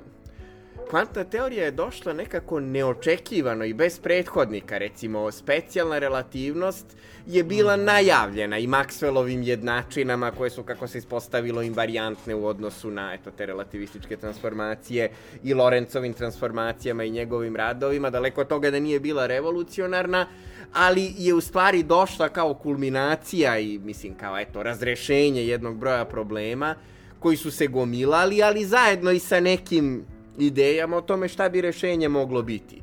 A ovde, ovde ovo je prosto došlo potpuno, potpuno nenadano. Tako da, dakle, ljudi su počeli da se bave haosom u kvantnim sistemima tek u kontekstu nuklearne fizike, Uh, jer eto, je, atomsko jezgro jeste jedan mnogočestični sistem, dakle da podsjetim sastoji se iz protona i neutrona u redu kod vodonika kod ovog osnovnog izotopa imamo samo jedan proton, ali dakle već kod, he, kod, he, eto, kod helijuma imamo proton i neutron i tako dalje, dakle već kod svih, dakle hajde recimo jezgro, odnosno, izvinjam se, kod helijuma već imamo dva protona i dva neutrona, tako da, dakle, samo ovaj običan vodonik i deuterijum, dakle, imaju jezgra koja su, hajde da kažemo, sistemi jednog ili dva tela, dakle, dakle mm -hmm. integrabilni, a već, znači, kod helijuma imamo sistem četiri tela, dakle, stvar nije integrabilna. A da ne pričamo onda o praktičnoj primjeni, odnosno praktičnoj priči. Upravo na teška jezgra, gde, jeste, gde postoji više stotina protona i neutrona. E sad, naravno, možemo se zapitati, mogu li se jezgra modelirati prosto kao zbir kuglica, pa makar i kvantovanih, i naravno da ne mogu. Dakle, da protoni i neutroni mogu određenim procesima da prelaze jedni u druge, da znamo da to nisu elementarne čestice. Tako da, dakle, ima tu sad raznih modela tih efektivnih teorija sa razmenom mezona, prosto hoću da kažem, nije teorija atomskog jezga, naravno neče bi nuklearna fizika bila dosadna, nije teorija atomskog jezga prosto da kažem teorija eto en kuglica, ima tu još raznih drugih stvari. Uh, ali znači u svakom slučaju dakle eto to je jedan mnogočestični sistem uh, uh, gde, eto, dakle, mo, u vezi, dakle, eto, baš pitanja stabilnosti je, dakle, ono što je relevantno za nuklearnu fisiju, dakle, postavlja se pitanje kako izgleda spektar, odnosno, opet, kako izgledaju ti diskretni energetski nivoji, pa i koja je verovatnoća da se, recimo, jezgro raspadne na dvoje. I tu su, pre svega, istražujući spektar, ljudi primetili, dakle, da u tom spektru postoji nešto, postoji nešto do tada neuobičajeno. E, naime, spektar sistema koji nisu haotični ili nisu mnogo haotični, Dakle, kako on izgleda? Dakle, rekli smo spektar, to je prosto niz nekih brojeva energetskih nivoa, dakle, diskretnih nivoa. E sad, u krajnje jednostavnim sistemima, eto, dakle, mi možemo tačno da ih izračunamo, recimo, za, eto, vodoniku sličan atom ili tako.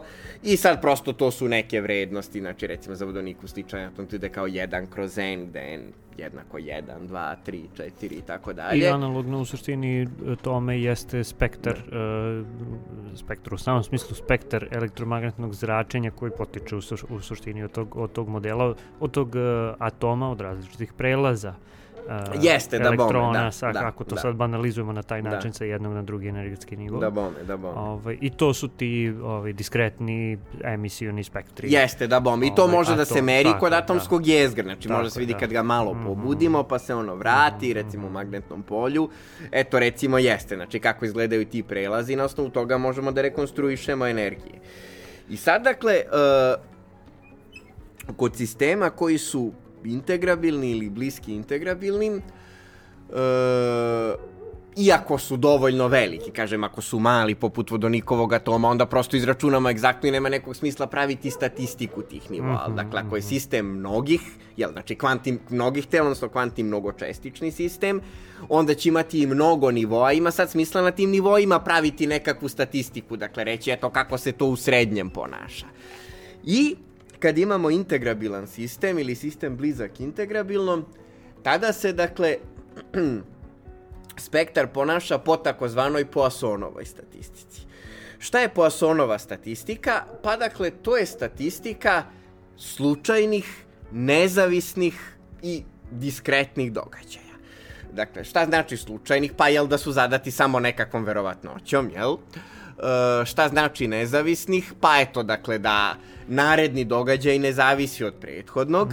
I šta znači diskretnih? Pa prosto, dakle, da je ishod tog događaja, da kažem, nekakav e, prirodan broj. Dakle, ne neki realan broj, ne neki decimalan broj, nego nekakav prirodan broj.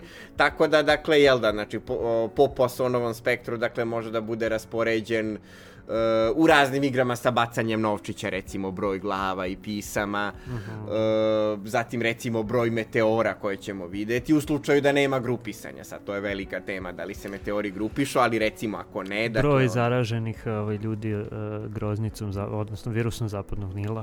A, Takođe, da, da, ovaj, isto slučajni proces, nezavisni. jeste, da bome, da. nezavistan i da. diskretan.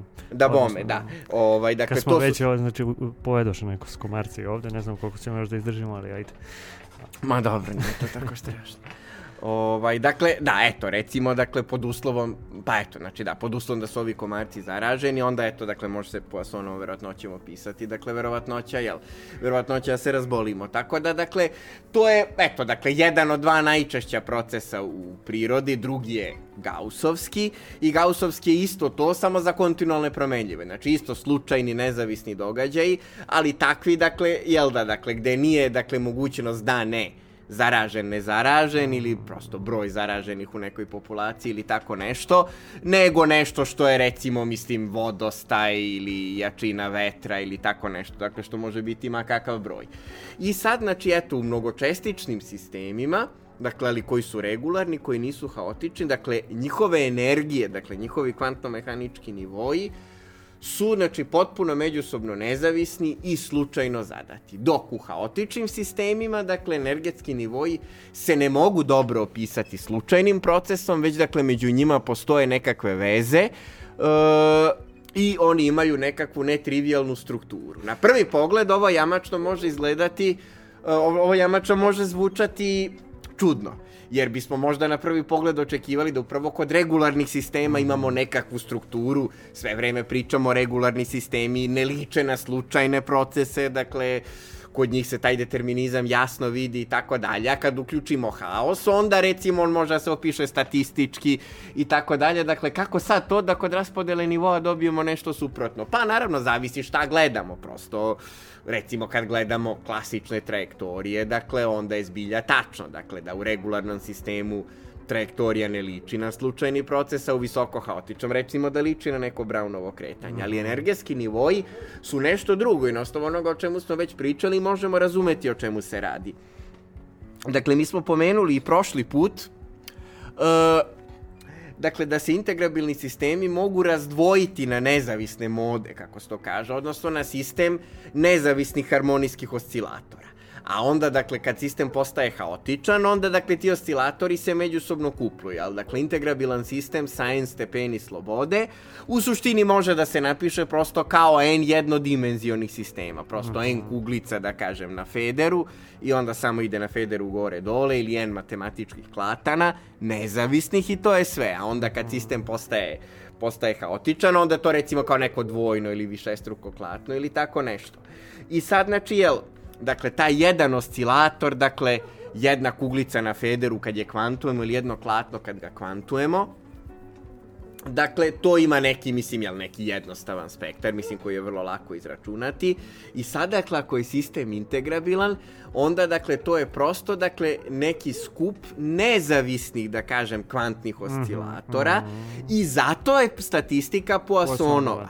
Da. Jer, dakle, mhm. ovaj, prosto, znači, to je onda samo na izgled neki mnogočestični sistem, ali u stvari ako je integrabilan, on može da se napiše, može da se shvati kao, dakle, superpozicija. Jeste, dakle, kao superpozicija, dakle, jednodimenzionih, krajnje jednostavnih sistema i onda, dakle, odatle Poisson. Dakle, prosto sistem se raspada na nezavisne, jednodimenziona, naravno jednodimenziono oscilator je nešto što znamo da nije haotično, što možemo lako da rešimo mm -hmm. i to je to. Dok upravo, dakle, ako sistem pokazuje kvantni haos, onda to ne možemo da učinimo, dakle, ne možemo ga razbiti na sistem nezavisnih, nekorelisanih brojeva, pojavljuju se korelacije među energetskim nivoima. I sad, dakle, kod mnogočestičnih sistema te se korelacije opet mogu opisati približno statistički, ali dakle sada je to statistika korelisanog procesa, mm -hmm. dakle gde će nam biti sledeći nivo, zavisi od toga gde nam je prethodni nivo i se odbijaju to je taj famozni efekat odbijanja nivoa. Dakle, nivoji se odbije jedan od drugog, dakle, mala je verovatnoća da imamo dva nivoa blizu jedan drugog, već oni teže da se razmaknu. Mm -hmm. Na neki način možda može da se napravi analogija sa onim rezonancama uh, u klasičnom u klasičnoj mehanici, jel, jel to ima smisla možda, da, da zapravo rezonance na neki način odbijaju ovaj, Re, orbite koje su u rezonancama, odnosno... Pa, a, veza sa rezonancama ovde se odnosi samo na rezonance 1 prema 1, to jest tačno, dakle, ako mm -hmm. nema, hajde da kažemo još i to za, za, za, za stručnjake, dakle, ako nema nekih dodatnih simetrija kojih ima, onda prvo treba razbiti sistem na blokove prema tim simetrijama, ali dakle, sad to manje više, dakle, odbijanje nivoa znači, dakle, da sistem teži dakle, da nema, kako se to kaže, degeneracije. Dakle, nema dva nivoa sa istim energijama, da, da, da, a to klasično upravo znači jedan prema jedan rezonanc. Ako su dva nivoa s mhm. istom energijom, to je kao klasično da imamo, dakle, dva tela na istoj orbiti, sa mhm, istim periodom i mhm, samim tim, recimo, istim poluprečnikom. Dakle, izbegavaju se jedan prema jedan rezonance. Sad, obveza s ovim višim tako, rezonancama nije, nije, tako, nije, nije tako očigledna. Dakle, i, ovaj, dakle, dakle, ta raspodela, dakle, ta statistika može isto da se napiše, to je Wigner-Dysonova statistika, dakle, vidimo i po imenima, Wigner i Dyson bili su najaktivniji, recimo, 50-ih, 60-ih, ta, ovaj, tako nešto, dakle, zlatno vreme nuklearne fizike i zlatno vreme atomskih bombi, dakle, to je ovako, dakle, prva, prva velika paradigma i prvi ovako solidan i veliki rezultat teorije kvantnog haosa, dakle, šta gledati uopšte u, u kvantnom haosu, ne možemo da gledamo orbite, rekli smo nema orbite, ne znamo tačno ni gde se čestica nalazi, šta gledati, pa eto, dakle, gledati energetske nivoe ili energetske spektre i njihovu statistiku. Uh, Uh,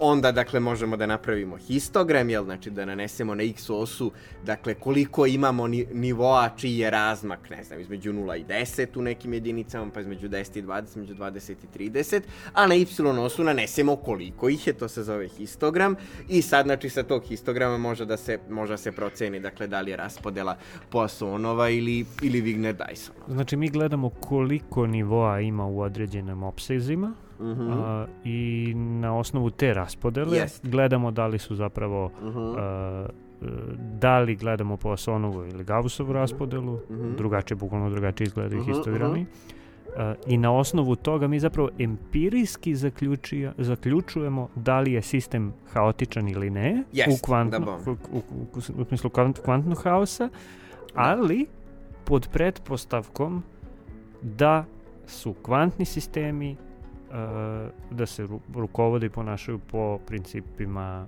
uh, Poissonove raspodela. Znači mi sad imamo uh, empirijsku uh, empirijski rezultat koji nam govori sad da li je sistem Poissonov ili Gaussov, kvantni, i to nam govori da li je haotičan ili ne. Misliš Poissonov ili Wigner Dysonov, aha. Uh, Rekao si Poissonov ili Gaussov. Wigner Dysonov, jel da? Da, da, okay. da, da. da, Gaussov, da, da, da, da, da, ok. Znači Wigner Dysonova raspodela je u stvari ta raspodela uh, sa kontinuiranim uh, uh, ishodima, da? Uh, ne, ne, Gaussova je kontinuirani ekvivalent Poissonove, da kažem, ali prosto pošto su nivoji diskretni, Gaussovu nemamo, znači imamo Poissona za integrabilni slučaj, Ok, Dysona ok, za... da, da, da, da, da. za Uh, haotični. znači, Daj, Wigner Dysonova nam govori u stvari, uh, odnosno taj rezultat nam empirijski govori, znači Da, ako je. Poissonova i ako je Wigner Dysonova, uh, bukvalno nam je to diskriminator Jeste, da da, li bome, je sistem da, haotičan ili da ne. bome. A šta je ono što je, što bi se reklo, underlying, odnosno uh, bazična pretpostavka na osnovu koje mi možemo da kažemo da to stvarno jeste tako. E, pa kažem, dakle, uh, dakle, najprirodnije objašnjenje, jednostavno objašnjenje, ovo što smo rekli, dakle, da prosto, dakle, u integrabilnom sistemu on se raspada na nezavisne podsisteme, pa zato imamo Poisson koji odgovara nekorelisanim procesima, Mhm, mhm. dok kod integrabilnog sistema to nije tako i dobijamo nešto drugo. E sad, šta drugo? E, šta drugo? E pa dakle, to se može izvesti, dakle možemo prvo da gledamo recimo sistem sa dva nivoa i onda pošto se oni izbegavaju, onda već tu možemo dakle specijalno da dobijemo nekakvu raspodelu, dobro to je jel, dva nivoa je trivialan slučaj, ali znači možemo da pođemo tog specijalnog slučaja i onda induktivno da ga, jel, matematičkom indukcijom da ga uopštimo. I tako se dolazi do takozvane teorije slučajnih matrica, dakle to je da kažem teorija iza dakle ove o, dakle ovog rezultata o e, jel, raspodeli energetskih nivoa. Dakle, jako kvantno haotični sistemi dakle mogu da se modeliraju slučajnim matricama. E, tačnije radi se o njihovim Hamiltonijanima. Pomenuli smo Hamiltonijan ili Hamiltonovu funkciju prošli put kao nešto što je jednako ukupnoj energiji, što kao funkcija svih koordinata i brzina nam određuje sistem. E sad, dakle, možemo taj Hamiltonijan i da kvantujemo, on se pojavljuje u kvantnom slučaju i u tom slučaju može da se predstavi kao matrica, to je recimo u skladu sa onom Heisenbergovom matričnom mehanikom i u stvari, jer šta je matrica? Matrica je tabela brojeva, dakle n puta n, jel 10 puta 10, 20 puta 20, prosto tabela brojeva i sad svaki broj u toj tabeli je u stvari verovatnoća prelaza između neka dva nivoa, jel? Odnosno, e, izvinjam se, energija prelaza, da, da, ne verovatnoća, već da, energija prelaza. E, tako da, dakle, eto, znači, da kažem, eto, znači, energije svih prelaza, dakle, u kvantnom sistemu čine Hamiltonijan i on sada može da se predstavi kao tabela, odnosno matrica, i onda te matrice, dakle, za e, jako kvantno haotične sisteme, mogu da se predstave, dakle, kao kao da su izvučene dakle iz neke slučajne raspodele i u ovom slučaju to je Gaussova raspodela zato što su matrični elementi, oni nisu diskretni, oni mogu biti bilo šta, oni su kontinuirani. Tako da dakle vidimo da u stvari prosto, mislim, jel, stat, mislim, naravno, statistički opis zavisi od toga šta tačno opisujemo kod nivoa. Videli smo, nivoji su nezavisni kod regularnih sistema, a zavisni jedni od drugih od haotičnih, a recimo same te matrice sistema, tu je obrnuto. Tu upravo, dakle, kod ovih jako haotičnih sistema, one mogu da se opišu, jel, dakle, kao da je ono, svaki element matrice neki nezavisni, ne, ovaj, slučajni broj, I onda odatle, dakle, prosto možemo čisto matematički, odnosno iz teorije verovatnoće, za takve matrice da izračunamo, kako se to kaže, svojstvene vrednosti koje odgovaraju, recimo, energetskim nivoima i da pokažemo da se one pokoravaju određenoj raspodeli. I ta raspodela kod integrabilnih sistema jeste Gaussova raspodela, E, odnosno Poissonova. Poissonova, da, zato što su diskretne, Mhm, mhm. diskretne stanje, Mhm. diskretne vrednosti. A kod neintegrabilnih je, e, znači, Wigner e, Dysonova, Wigner jeste, da, Dysonova, a prvi princip od kog to sve zapravo Mhm. potiče, izvini, ja se možda nekoliko Da, puta da, da, vraćam da, zato što da. ovaj, dosta je složeno. Uh, a prvi princip na kom sve to počiva je u suštini taj da kod integralnih sistema možemo da razložimo sistem na n nezavisnih Jeste, tako. jednostavnih podsistema, ajde sad ono, linearnih harmonijskih oscilatora ili kako god to da predstavimo u kvantnom, kvantnih linearnih harmonijskih Mhm, mhm. oscilatora. A kod neintegrabilnih sistema to ne možemo, jednostavno imamo ovi spregnute podsisteme koje ne možemo da razvojimo na Jeste, jedne da jednostavnije. baš tako, baš tako. da I bom. ovaj, to nam je prvi princip na osnovu kog smo došli i do Wigner Dysonove da bome, raspodele da kao nečega što nije um, e, što, što nije nezavisno e, diskretno i tako dalje. Da bome, da bome. Ovaj, nisu nezavisni događaji u pitanju. Mhm. A i, ovaj, kako bi se reklo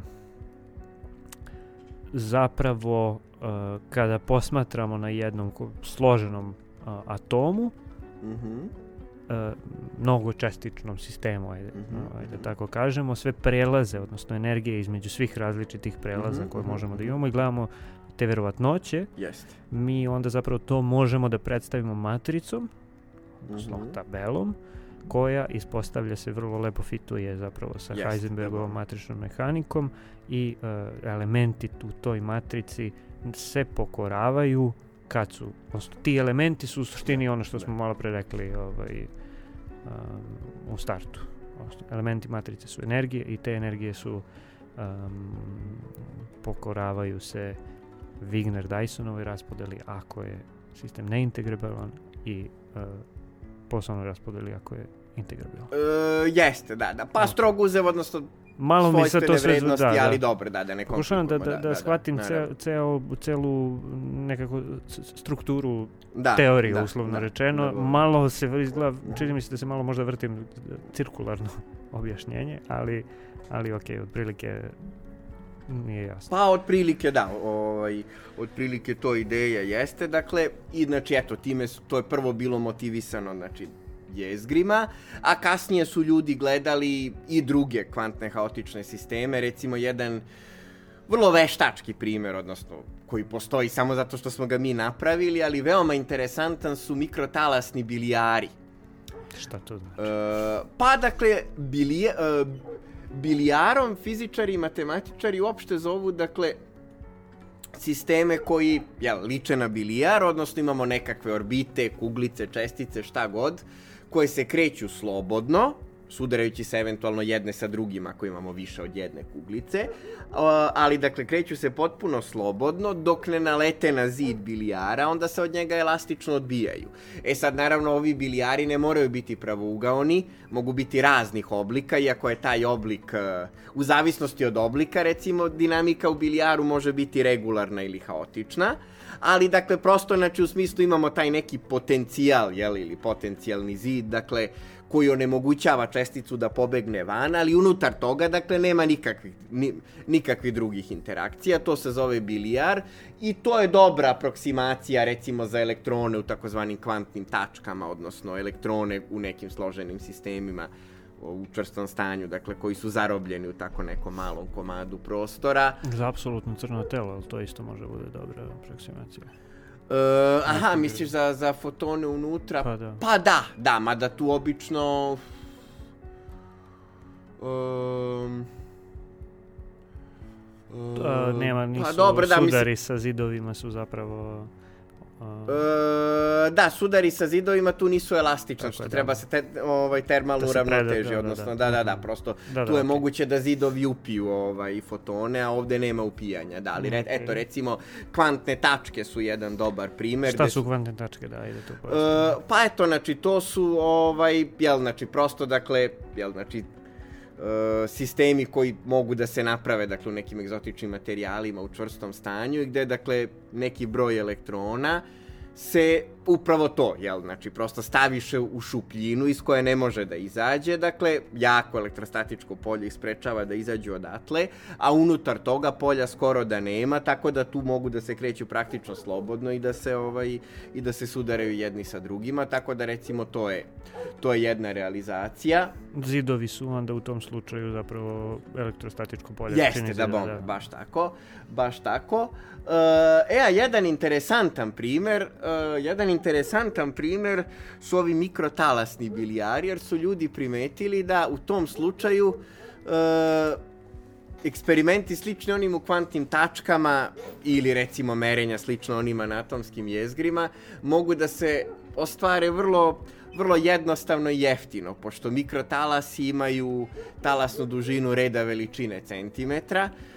To dakle bilijari u kojima bi se oni kretali treba da budu reda veličine desetak centimetara mm -hmm. i znamo recimo da metal veoma, veoma dobro elastično odbija i fokusira mikrotalase, jel zato nije preporučljivo uh, staviti metalni sud u mikrotalasnu pećnicu, tako da sve što je E, sve što je potrebno, dakle, to je prosto napraviti nekakav metalni sanduk ili metalnu kutiju određenog oblika. I pustiti mikrotalase. Jeste, i pustiti mikrotalase unutra, odnosno, jel, dakle, staviti unutra neke emitere mikrotalasa i nekakve antene koji detektuju, tako da stvar je vrlo jednostavna, nema ništa mnogo malo ili mnogo veliko, dakle, sve je reda veličine 10 cm, odnosno reda veličine naših ruku, da kažem. Dakle, krajnje jednostavno, a dakle, može vrlo interesantna fizika mm -hmm. da se vidi, dakle, možda se prati, jel, dinamika tih talasa. Sad, dobro, to su talasi, ali već smo rekli da talas i čestica tomu dođe Sve isto, jedno. tako da, dakle, to, to je jedna interesantna realizacija. Mm kvantnog haosa koja je bila 90-ih i ranih 2000-ih jako aktuelna. Ovaj, sad je, čini mi se, manje više istrpljena, mislim, sve što se moglo urađeno je, ali ovaj, eto, tu su, tu su ljudi videli mnogi interesantne stvari, dakle, tu su provereni detaljno i ovi rezultati vezani za energijski spektar i ovaj tu se pokazalo i ranije još u stvari da tačan izgled te raspodele nivoa, odnosno Wigner-Dysonove raspodele, zavisi od toga kako se tačno sistem ponaša u odnosu na inverziju vremena. Odnosno, dakle, da li izgleda isto, dakle, kada obrnemo smer vremena ili ne. Znači, ali ajde pre nego što krenemo na to, dakle, dao si primer zapravo različitih nekakvih sistema kod mm -hmm. kojih se vidi realizacija kvantnog mm -hmm, haosa mm -hmm. i rekao se da se najbolje vidi na, na tom, naj, ne najbolje, ali eto, jedan od primera mm -hmm. su ti mikrotalasni bilijari. Mm -hmm. uh, kad kažeš da se realizacija kvantnog haosa najbolje vidi, recimo, na primjer, mikro, šta znači reali, šta, šta podrazumevaš po tim realizacija kvantnog haosa? Pa eto, znači da se, ovaj, eto, znači da se vidi statistika nivoa, dakle, onakva kakvu, kakvu očekujemo. Empirijski, onda da, da se izmere. Pa eto, da, da, da, da se uporedi uh -huh, sa mhm, teorijom. Uh mhm. -huh. Uh, s druge strane, još jedan način na koji možemo posmatrati kvantni haos jeste, dakle, kao talasni haos.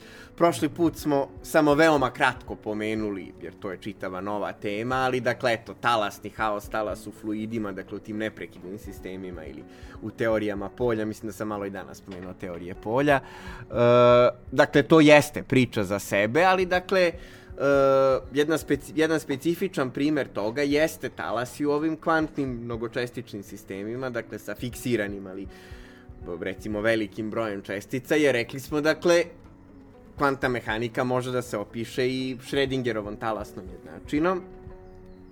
Tako da, dakle, možemo da se upitamo uh, u tom slučaju, jel, prosto, znači, kako izgleda taj talas u sistemima koji su regularni, a kako u sistemima koji su haotični i time zapravo, ali opet, se, sad se opet vraćam na uh, kvantnu definiciju regularnog i haotičnog mm -hmm, sistema, mm -hmm. a to je da li možemo da ih svedemo na jednostavne Jeste, uh, da bome, da bome, da bome, koji da, su, da, da, da. Ali, mislim, kvantovano sve, naravno, da. Jeste, da bome, -hmm. da. I ispostavlja se uh, da je rezultat dosta kontraintuitivan. Čovjek bi očekivao da, slično recimo, vodi i turbulenciji u vodi, dakle da regularnim sistemima odgovara talasna funkcija koja eto izgleda lepo, dakle koja nema mnogo vrtloga, mehurića, dakle koja se ne menja preterano naglu, koja nema nekakvih udarnih talasa, diskontinuiteta ili tako nečeg, a da haotičnim slučajima dakle odgovaraju ovaj kvantne dakle, turbulencije. A da, tako a da, da, jeste, dakle nešto poput kvantne turbulencije ili tako nešto. Međutim, ispostavlja se da to nije baš tako zapravo i da je E, možda, da, dakle, još matematički univerzalnija i fundamentalnija definicija kvantnog haosa, separabilnost, ovaj, kako se to kaže, ovaj, te talasne Schrödingerove jednačine, odnosno da li na ma kakav način, ma kakvim matematičkim transformacijama koordinata možemo nekako razdvojiti koordinate u toj jednačini. Dakle, opet, opet se svodi ono ra, jel, razdvajanje na veliki broj nezavisnih, da kažem, mm -hmm. jednodimenzionih sistema, ali u ovom slučaju je to abstraktnije. Dakle, onama smo mogli prosto da shvatimo, da kažemo da eto, kad malo bolje pogledamo naš sistem, to je eto, znači, mnogo, jel, čestica okačenih, Ulica, jel, da. mnogo klatana koja se vrte, ova, odnosno koja se njišu nezavisna jedne, ovaj, jedne od drugih. Ali kad kažemo da je sistem talasna funkcija, šta onda znači? Jeste, da, onda je to, mislim, da, onda je to dosta abstraktnije, ali, dakle, da, to se svodi na separabilnost ovaj, te takozvane Hamilton-Jakobijeve jednačine, dakle, za, uh, za talasnu funkciju I opet, dakle, gde se najbolje vidi koliko je nešto duboko, koliko se može proširiti van originalnog domena.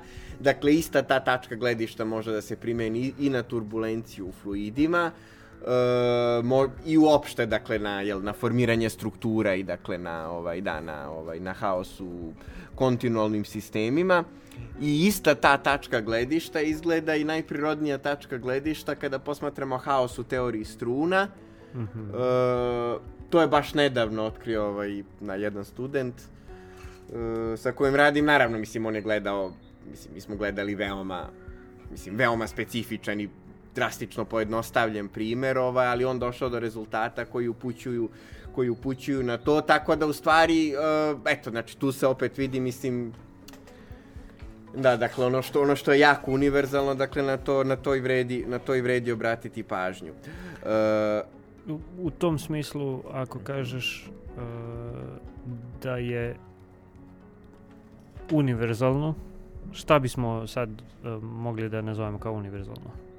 Uh, pa ovde se misli u smislu, eto, dakle, da se neintegrabilnost ili haotičnost u jako mnogo primera, dakle, može podvesti na istu osnovnu ideju, uh -huh. to jest Eto, jednu smo naveli, znači statistika nivoa, druga abstraktnija, yes, ali veoma duboka je, dakle se parabilnost ove, ovaj, da kažem, talasne jednačine, odnosno talasne je uopšte Hamilton Jakobijeva jednačina. A šta Hamilton Jakobijeva jednačina pokazuje? Kakva je to jednačina? Uh, pa to je jednačina, da, znači koja se može... U smislu, ispis... ako kažemo sad, ne znam, da je Schrödingerova jednačina kao drugi Newtonov zakon, ovaj, uh, za, za ne znam, mm -hmm. ovaj, talasne funkcije. Šta je Hamilton Jakobijeva?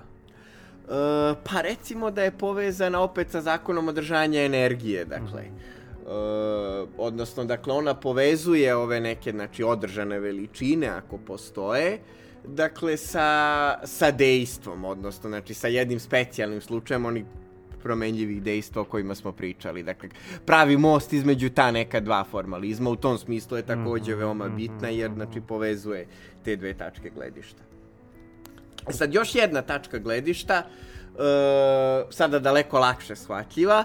Dakle, ono što sam, mislim, jel, pominjao sam promenljive dejstvo ugao na početku i kako je Bo rekao da su dejstva kvantovana i na taj način napravio kvantnu mehaniku i rekli smo, dakle, eto, dakle, to je propalo kad je kvantna mehanika u pitanju, što ljudi prosto nisu znali šta da rade u slučajevima kada isto nisu održana. Mm -hmm. E, dakle, u vreme kad je kvantni haos počeo da se razvija, dakle, još jedan paralelni pristup, mada koji je dugo bio manje poznat i, mislim, manje zgodan za neposredne primene, jeste pristup uh, Gucwillera, uh, takozvanog zbira po periodičnim orbitama, a koji je upravo u stvari, dakle, uh, može se reći stara kvantizacija, kvantizacija u Borovom stilu, dakle za neintegrabilne sisteme. E, dakle, šta činiti ako hoćemo da kažemo dejstva su kvantovana, dejstva se menjaju u vremenu i onda očigledno, dakle, prosto ne, nemaju konstantne vrednosti. Ne možemo da kažemo dejstva, dejstva su jednaka ovome ili onome jer se vrednosti menjaju. Mm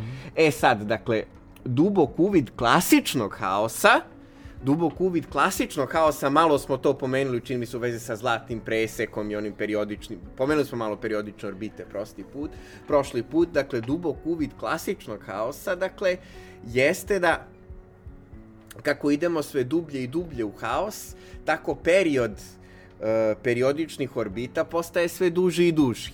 Jer ako je period beskonačan, onda perioda i nema, to jest funkcija ja Mhm, periodična, pa u tom smislu, dakle, kako idemo sve dublje i dublje u haos, dakle, periodi periodičnih orbita postaju sve duži i najzad postaju beskonačno dugi, to jest gubimo periodičnost u potpunosti.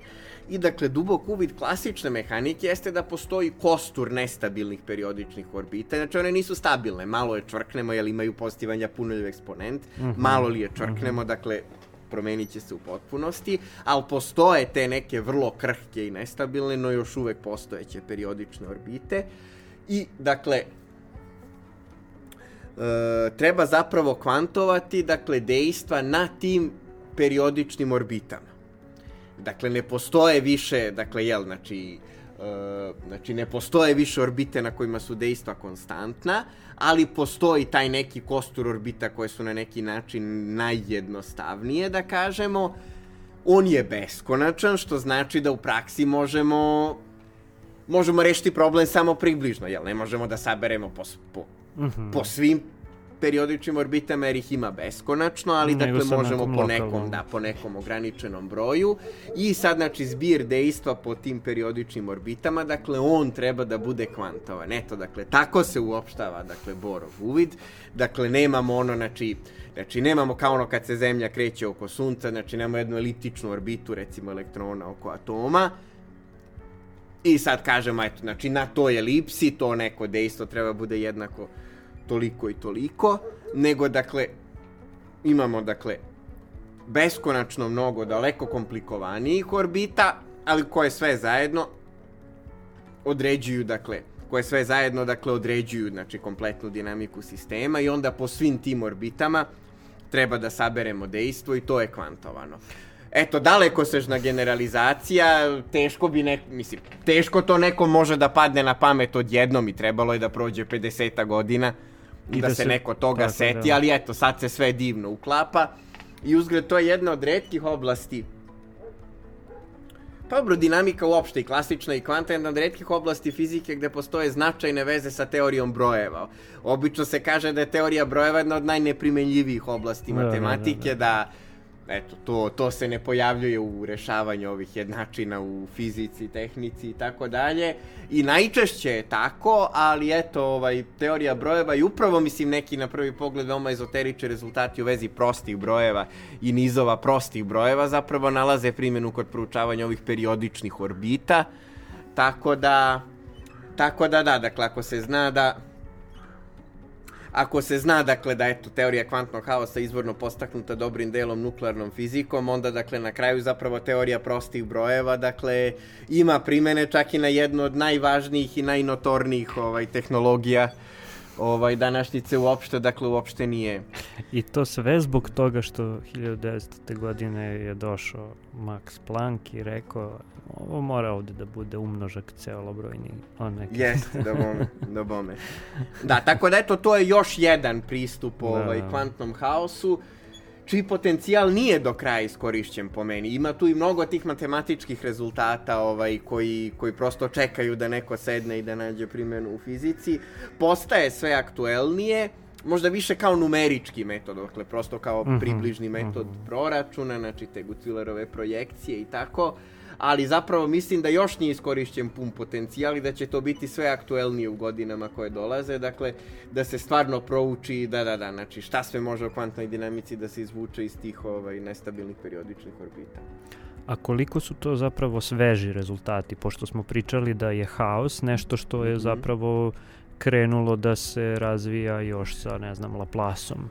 U, u toj i sa Newtonom, ono, Mhm. haos generalno, pričali smo sad, Da, jel, da, čim da. mesec ubacimo u Mhm, mhm. sistem zemlja, sunce, dolazi do nes, ono, osetljivosti na, na početne uslove, Mhm, nestabilnosti i mhm. tako dalje, i to je već haos. Mhm. I, ne znam, Ljapunov Poenkare, to je bio 19. vek, a, Da. međutim, sad kad kažeš a, kako si rekao, Gould... E, Gutzwiller, pa ne, pa Gutzwiller. sve to kreće recimo od To- 60-ih na ovamo, znači... 60-ih, okej. Pa malo po malo, ali mislim u početku je to sve na marginama i tako usput, ali onda malo po malo raste. Da, da. I recimo da je sazrelo, pa tako recimo 90-ih, da je već, ono, ovaj, već je bilo nekoliko klasičnih dobrih udžbenika kvantnog haosa i tako, znači to je bilo recimo prvo zlatno doba. Kad je zapravo, eto, znači, po, ovaj, Pa kad po- je požnjevena, dakle, ta setva posejana ovaj, u, u nuklearnoj fizici i tako.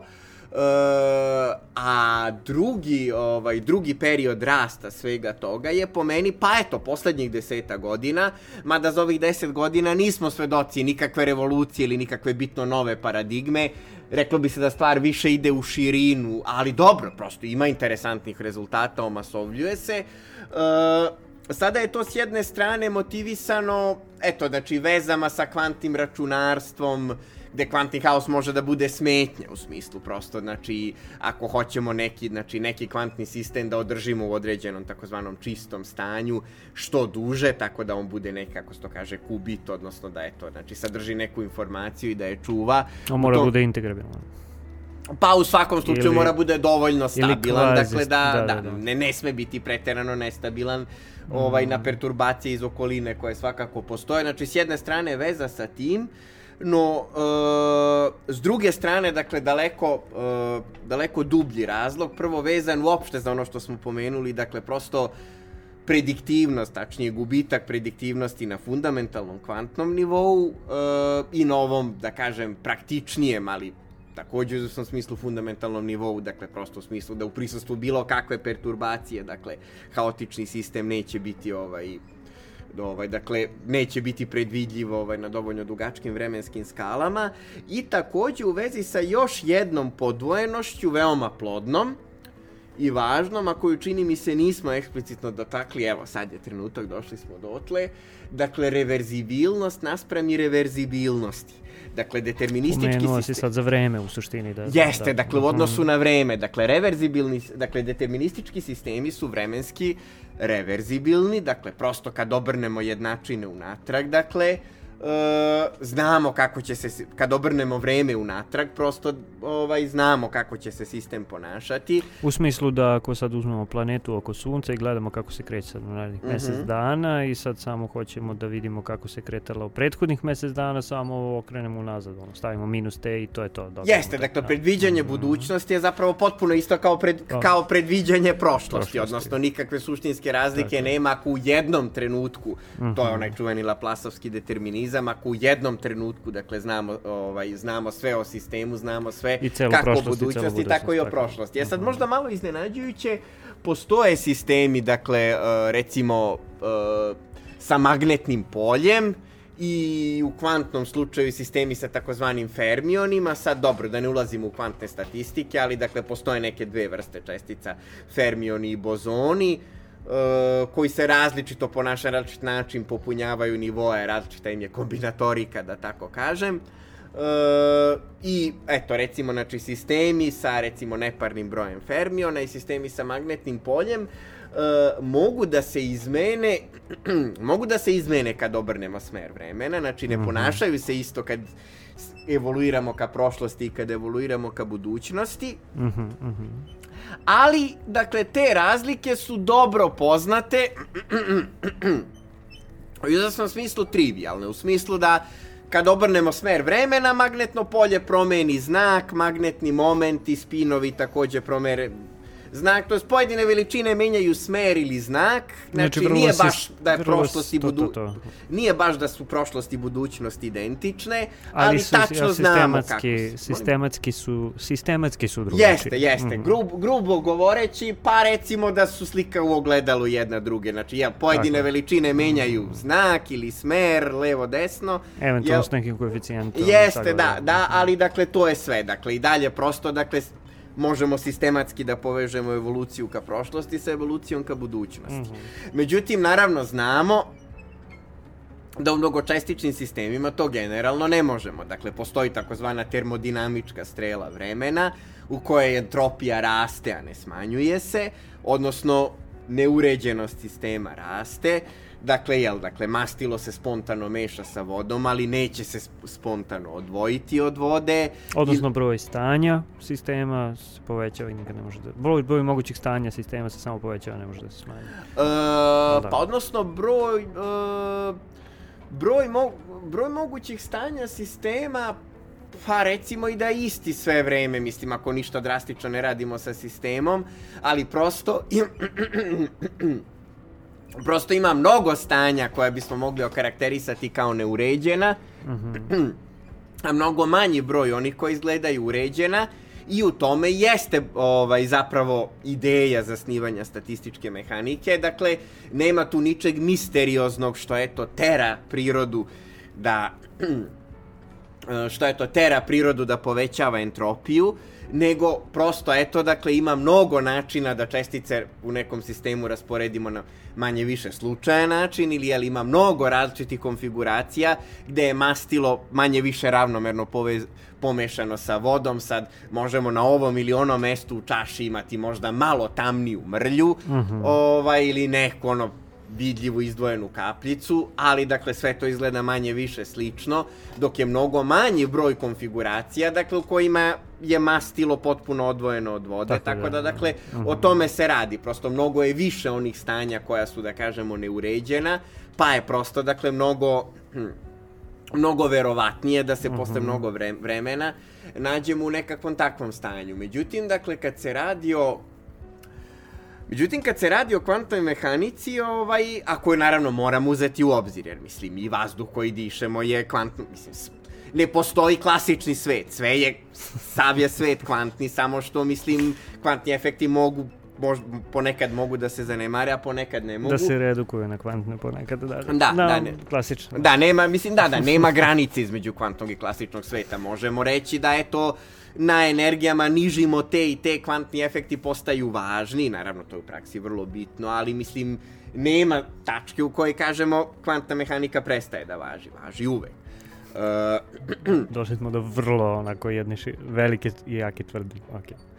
Ne postoji, ne postoji uh, klasični pa, pa, uh, da, naravno, sad i to je, mislim, i to može biti maglovito, jer u mnogim interpretacijama kvantne mehanike kaže se da, jel, znači, neophodno nam je, jel, neophodno je merenje uneti u teoriju na fundamentalnom nivou, a me, merni instrument je uvek nešto klasično, tako da jeste, na primer, čak i u ovaj, uh, sve ukupno gledano, mislim, najdubljen tekstu iz kvantne mehanike ikad napisanom, U stvari, ako govorimo o učbenicima, najdublji tekstovi su naravno radovi velikih očeva, dakle, jel, Bora, Diraka, Schrödingera, Heisenberga, ali mislim svakako u najdubljoj knjizi o kvantnoj mehanici ikad napisanoj u trećem tomu Landau Lifšicovog kursa, postoji čak i eksplicitna tvrdnja da eto, dakle, uh, kvantna mehanika se ne može zasnovati bez klasične mehanike. On, klasična mehanika s jedne strane jeste granica kvantne, jeste limes kvantne mehanike, recimo kada je na visokim energijama, kad tu Plankovu konstantu više ne vidimo kada ona postaje mala, no istovremeno, dakle, da bi se kvantna mehanika uopšte mogla zasnovati, neophodan nam je pojam merenja, gde učestvuju klasični instrumenti. Tako da zapravo da, jaka tvrdnja klasični svet ne postoji je nešto sa čim se ne bi svi složili, eto, čak i Landau se nije sa tim slagao, ovaj, ali čini mi se da sve ukupno, mislim, razvoj kvantne mehanike za ovih 120 godina, mislim da ipak ide ka tome, da ne postoji odvojeni klasični svet, ali naravno i o tome bi se, da, i o tome bi se moglo pričati, dakle, tako da eto, znači imamo to pitanje reverzibilnosti, da kažem, jednačina za svaki deterministički sistem, znači ako nema ničeg eksplicitnog slučajnog, onda sve može da se vrati unazad. E, zatim imamo, znači, e, statističku fiziku, dakle, i prosto mislim ono što svakodnevno vidimo gde dakle kad imamo velike sisteme dakle vodu i mastilo uh, ili recimo prosto jel znači ovaj vodu koja se hladi i predaje svoju toplotu vazduhu a nikad se neće spontano desiti, desiti dakle da vazduh preda mnogo toplote vodi pa voda voda u čaši eto spontano počne da vrije jer je pokupila mnogo toplote, ali takođe i na kosmološkoj skali, jer na kraju krajeva i kosmološka skala, znači gde se svemir širi mm -hmm. i gde je mhm. sve više zračenja u svemiru, a sve manje organizovane materije i to je ta statistička, jel, znači, ovo, ili termodinamička strela vremena, dakle na globalnom nivou postoji takozvana strela vremena. I sad, znači, kako to dvoje pomiriti? I sad, dakle, bar deo rešenja jeste ono što smo rekli, da prosto ima mnogo neuređenih konfiguracija, malo uređenih, tako da, dakle, iako strog uzev nije baš nemoguće, da se recimo voda i mastilo spontano razdvoje, to je ekstremno malo verovatno i trebalo bi da čekamo duže od starosti vasione da se to desi, tako da nije ni mhm. čudo da to uglavnom ne vidimo ili da nikad ne vidimo. No, kad se uzme u obzir kvantni efekti, dakle, uh, stvar postaje, da, e, stvar postaje zamršenija. E, zato što sada, dakle, merenje na fundamentalnom nivou ulazi u sistem, mm -hmm. tako da, dakle, dok smo klasično mogli da kažemo, eto, znači, šta će se desiti ako, recimo, hipotetički obrnemo smer vremena, pa sad, eto, jel, znači, jedna čestica nikad, izvinjam se, jedna čestica će se vratiti tačno tamo odakle i počela, sistem mnogih čestica koji je haotičan, ako baš ništa ne promenimo, takođe će se vratiti tamo odakle je počeo, ali dakle ako samo nešto malo promenimo ili ako uzmemo kako se to kaže ansambl, znači ako uzmemo neki skup orbitak u haotičnom sistemu, gledamo kako on evoluira, a onda hipotetički, naravno to ne možemo u praksi da uradimo, ali mislim možemo da napišemo jednačine, mm -hmm. šta bi bilo kad bismo se vratili u vremenu, e pa u tom slučaju, dakle taj ansambl haotičnih orbita, dakle mnogo haotičnih orbita, dakle tu bi već svaka orbita u tom ansamblu, znači pošto je, znači, ono, svaka će malo da odstupi, znači ovaj od ovaj, znači, jel, znači, svaka je, znači, ono, malo je... svaka orbita u ansamblu uh -huh. je malo pomerena uh -huh. od mhm. neke, znači, tačke, da kažemo, nula. I sad, znači, kad posmatramo, znači, kad vratimo vreme unatrag, prosto njihova evolucija unatrag, dakle, znači, prosto, znači, ono do čega smo došli na kraju neće da liči na ono od čega smo počeli i dobro to razumemo, prosto, znači, jel, haotične orbite, jel, znači, one istražuju, one istra, haotična orbita istraži veliki deo faznog prostora, ovaj, a u faznom prostoru ima mnogo neuređenih i malo uređenih konfiguracija i to je to. Jasne. Ali sada, dakle, u kvantnom slučaju, dakle, prosto kako možemo da znamo da je neka konfiguracija uređena ili neuređena? Pa treba da obavimo merenje. E, mm -hmm a merenje, dakle, perturbuje kvantni sistem na fundamentalnom nivou. Tako da, dakle, tu se sad pojavljuje, dakle, novi problem, odnosno, dakle, prosto, znači, kako zasnovati tu irreverzibilnost vremena koju u praksi vidimo, imajući još dakle u vidu dakle i dakle i efekat merenja odnosno dakle mm -hmm. jel interakcije sa uh, interakcije sa nekakvim posmatračem a što je važno, ovaj, što nije, što je mislim važno na fundamentalnom nivou, ali motivisano i mnogim aktualnim eksperimentima i pitanjima, kako se zapravo dešava termalizacija, kako stvari dolaze u termičku ravnotežu, uh, jer kažem, znači, ovaj, sve je, mislim, sve pokazuje kvantne efekte, ovaj, kad se dovoljno ide u dubinu, tako da, znači, prosto pitanja, znači, eto, znači, kako se, uh, mislim, eto, recimo u fizički čvrstog stanja, kako se razni da egzotični da metali i tako da. dalje, znači, recimo, molim? Kažem, sad sam baš teo da te pitam za neki primer. A, Jeste, znači, uh mhm. -huh. recimo, razni metali u fizici čvrstog stanja, znači, šta se s njima dešava, dakle, kad dođu u dodir sa okolinom, onda, recimo, znači, razni sistemi, jel, ovaj, potencijalni kandidati za kvantne računare, recimo, znači, sistemi koji pokazuju kvantni holov efekt, znači ti neki jako interagujući elektroni u magnetnom polju, pa onda znači hladni atomi u optičkim rešetkama. Dobro, mm. nisu direktno vezani za kvantno -hmm. računarstvo, ali nema veze, prosto interesantni su kao sistemi koje jako dobro možemo da kontrolišemo u eksperimentu i da, znači, da gledamo ovaj, oni su takođe generički, mislim, neintegrabilni pokazuju kvantni haos, dakle gde sve to ovaj, dakle gde sve to možemo da gledamo i sad pitanje je možemo li direktno, jel, rešavanjem jednačina kretanja, Boltzmann je ukazao put, ali možemo li, dakle, ura, ra, uh, uračunavši sada i ove kvantne efekte, dakle, možemo li sada direktno da ispratimo, dakle, kako sistem dostiže termodinamičku ravnotežu, kako, recimo, znači, taj sistem mm -hmm. u dodiru, znači, sa nekom spoljašnjom sobnom temperaturom i sam dostiže tu sobnu temperaturu, dakle, ovaj, kako njemu dolazi do termalnog, ovaj, znači, jel, do, ovaj, mislim i to ste neke raspodele, ne znam, znači, ovaj, ovaj, uh, Maxwell Boltzmanov i tako, znači, te raspodele, ovaj, mm -hmm. recimo, da kažemo, molekula po brzinama ili čestica po brzinama koje očekujemo u termički ravnotežnom sistemu. Dakle, možemo li da, da, grubo govoreći, ja kažem, možemo li Schrödingerove jednačine da dobijemo termodinamiku? Dakle, to je, to je mhm. vrlo bitno pitanje, tim pre što, jel, znači, u, Schrödingerove jednačini nemamo, ovaj, u Schrödingerove jednačini vreme možemo da invertujemo, a u termodinamici nikako ne možemo. Mm -hmm. uh, Tako da, eto, kažem, nema do sad nekakvih ekstremno bitnih pomaka, ali svakako, eto, ljudi o tome razmišljaju i pokazuje se da je problem povezan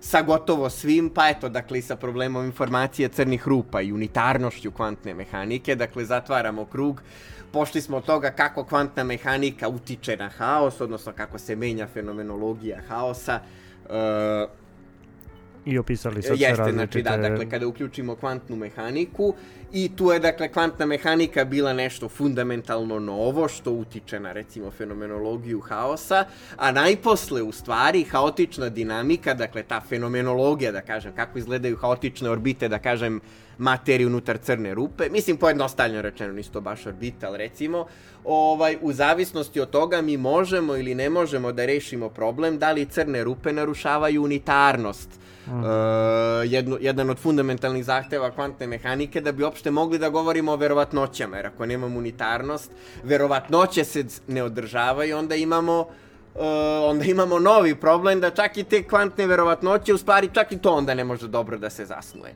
Tako da, dakle, zbilja zatvaramo krug. Dakle, sad najzad dolazimo do toga da u zavisnosti od toga kako izgleda kvantni kvantni haos i njegova fenomenologija, u stvari mi možemo ili ne možemo da rešimo fundamentalno pitanje vezano za zasnivanje same kvantne mehanike. Nešto smo o tome i pomenuli, čini mi se, u nekoj od prethodnih emisija. E, Pa pričali smo kad smo pričali o, o crnim rupama. I, pa da, da, da, da, da. I, mislim i, sa, i strunama, zato što to Jeste, da, jeste da, da. Ovaj, Da. na neki način Mhm. Baron Minhausen efekt, odnosno kako se to sad zove? A, kad, mm, Na što misliš? ne, to ne Baron Minhausen, nego Bootstrap. A jeste, Znači, da. meni sad pa- ovo pa zvuči jeste, kao da, dakle, bootstrapping priče zapravo, Barona da. Minhausena Da, jeste, da, da. kako je povukao sebe snažno za kosu, za pa kosu izvukao ili za iz čizme ili kako već. da. Jeste, da. Jer da, ovo sad da. zvuči zapravo na kraju ono svega kao upravo to. Mi zapravo kvantnim haosom koji smo zasnovali na osnovu ovaj. Kvant, kvantno-mehaničkih postulata. Jeste, treba mi zapravo treba samu spasemo kvantnu mehaniku. Jeste, da, Mhm, da, da, mhm. bome, da, da.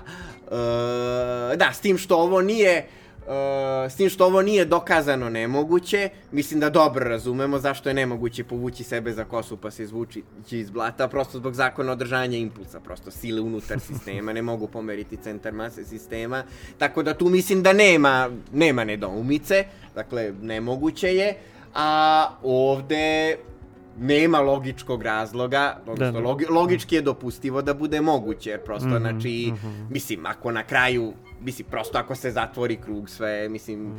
sve je u redu, tako da, dakle, prosto, dakle, zadatak je, mislim, znači, eto, onda i u crnim rupama, znači, postoji nekakav, znači, jel, znači, i one su haotični sistemi, i šta više, dakle, postoji rezultat veoma dobro podržan do sada, je to najjači mogući haos u prirodi, dakle, najhaotičniji mogući sistemi su crne rupe, dakle, to je ta granica haosa.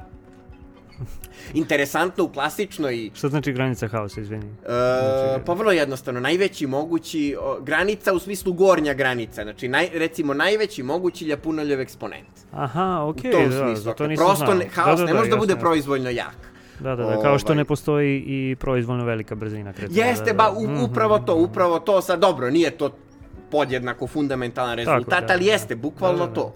Dakle, ovaj, Ili Plankova konstanta koja je ono najmanje moguća najmanje skala. moguće Mhm, dejstvo, da, dejstvo, da, da. Uh Da, da, da, da, da. Okej, znači Da, crne nije da je rupe- to sad na tom nivou Mhm, značajnosti, mhm, mhm. ali jeste analogija, postoji, dakle, da, da, da. klasično, klasični ljapunov eksponent može da bude koliki god, ne Mhm. postoji granica, sistem može da bude proizvoljno haotičan, a kvantni, ovaj, a kvantni sistem u stvari ne može biti proizvoljno jako haotičan, Mhm, dakle, postoji maksimalni mogući haos i on se realizuje najverovatnije u crnim rupama, mada i to je pitanje kad se uzmu u obzir neke još kvantne korekcije dodatne, da li se baš realizuje ili mu se samo asimptotski približavamo, ili smo samo blizu te granice, ali je nikad ne dostižemo. I dakle, on se realizuje u nekim sistemima koji su, da kažem, dualni crnim rupama, jer postoji u teoriji struna rezultat koji se zove holografski princip ili holografska dualnost, dakle da e, crne rupe, dakle, u gra i gravitaciono polje koje, dakle, koje one čiji su one izvor, u stvari uh, jeste ekvivalentan, to je prosto istim tim jednačinama, može da se opiše nešto sasvim drugčije. Naime, kvantni mnogočestični sistemi jako interagujući, ovaj, na primer, takvi kao što su pa recimo nešto nalik na kvantnu hromodinamiku, dakle kvarkovi su čestice za koji se stoje protoni i neutroni, pa sad recimo znači kako bi jel, znači kako bi se oni ponašali. Nisu baš ni kvarkovi, nego neka veza, jel kvarkovi imaju tri boje, a dakle ovde je holografski dual crnoj rupi je neka verzija kad bi kvarkovi imali mnogo, mnogo boja, ne tri, nego recimo beskonačno mm -hmm. mnogo, dakle, ali sve to ima i neku primenu, mislim, nešto slično može da se vidi u eksperimentu, znači to liči, da kažem, na mhm. kvarkove mm -hmm. i na ono što ljudi vide u akceleratoru kao što je RIK, ovaj, liči na neke, recimo, čudne metale i tako, dakle, sve to, sve to recimo postoji, dakle, crne rupe imaju taj maksimalni haos i I eto, kaže, znači, ti neki, da kažem, čudni Egzotični, metali, da, da, da. recimo mm -hmm. neć, nešto poput kvarglonske plazme akceleratorima, imaju maksimalni haos i o tome vredi zamisliti se. Bila je poplava radova jedno vreme u vezi maksimalnog haosa, kako to već bude. Ovaj, kako na Heisenberg rekao, jeli slabovida krava lako se napase na novoj livadi, kad se otvori neka nova oblast, onda naravno svako voli da obradi još neki slučaj, ali ovaj, još čini mi se e, ne razumemo u potpunosti šta, šta to zapravo znači da haos ne može biti proizvoljno jak. Ovaj, I da, znači ovim sistemima, da, znači do toga dolazi... Uh, pa da, znači do, da, da, znači imamo tu granicu, znači da, sa gravitacione strane, zato što, znači, što se haotična dinamika opisuje udarnim talasom, znači haos se širi kao udarni talas, a na neki način kako kažem, da, mislim, ono, niš, nijedan poremećaj ne može da se širi br, mislim, što nije star brže, nego jedan poremećaj ne može da širi drastičnije od udarnog talasa. Udarni talas je diskontinuitet. Da, da, dakle, da. iza udarnog talasa imamo jednu gustinu, mm -hmm, a ispred mm -hmm, udarnog talasa drugu.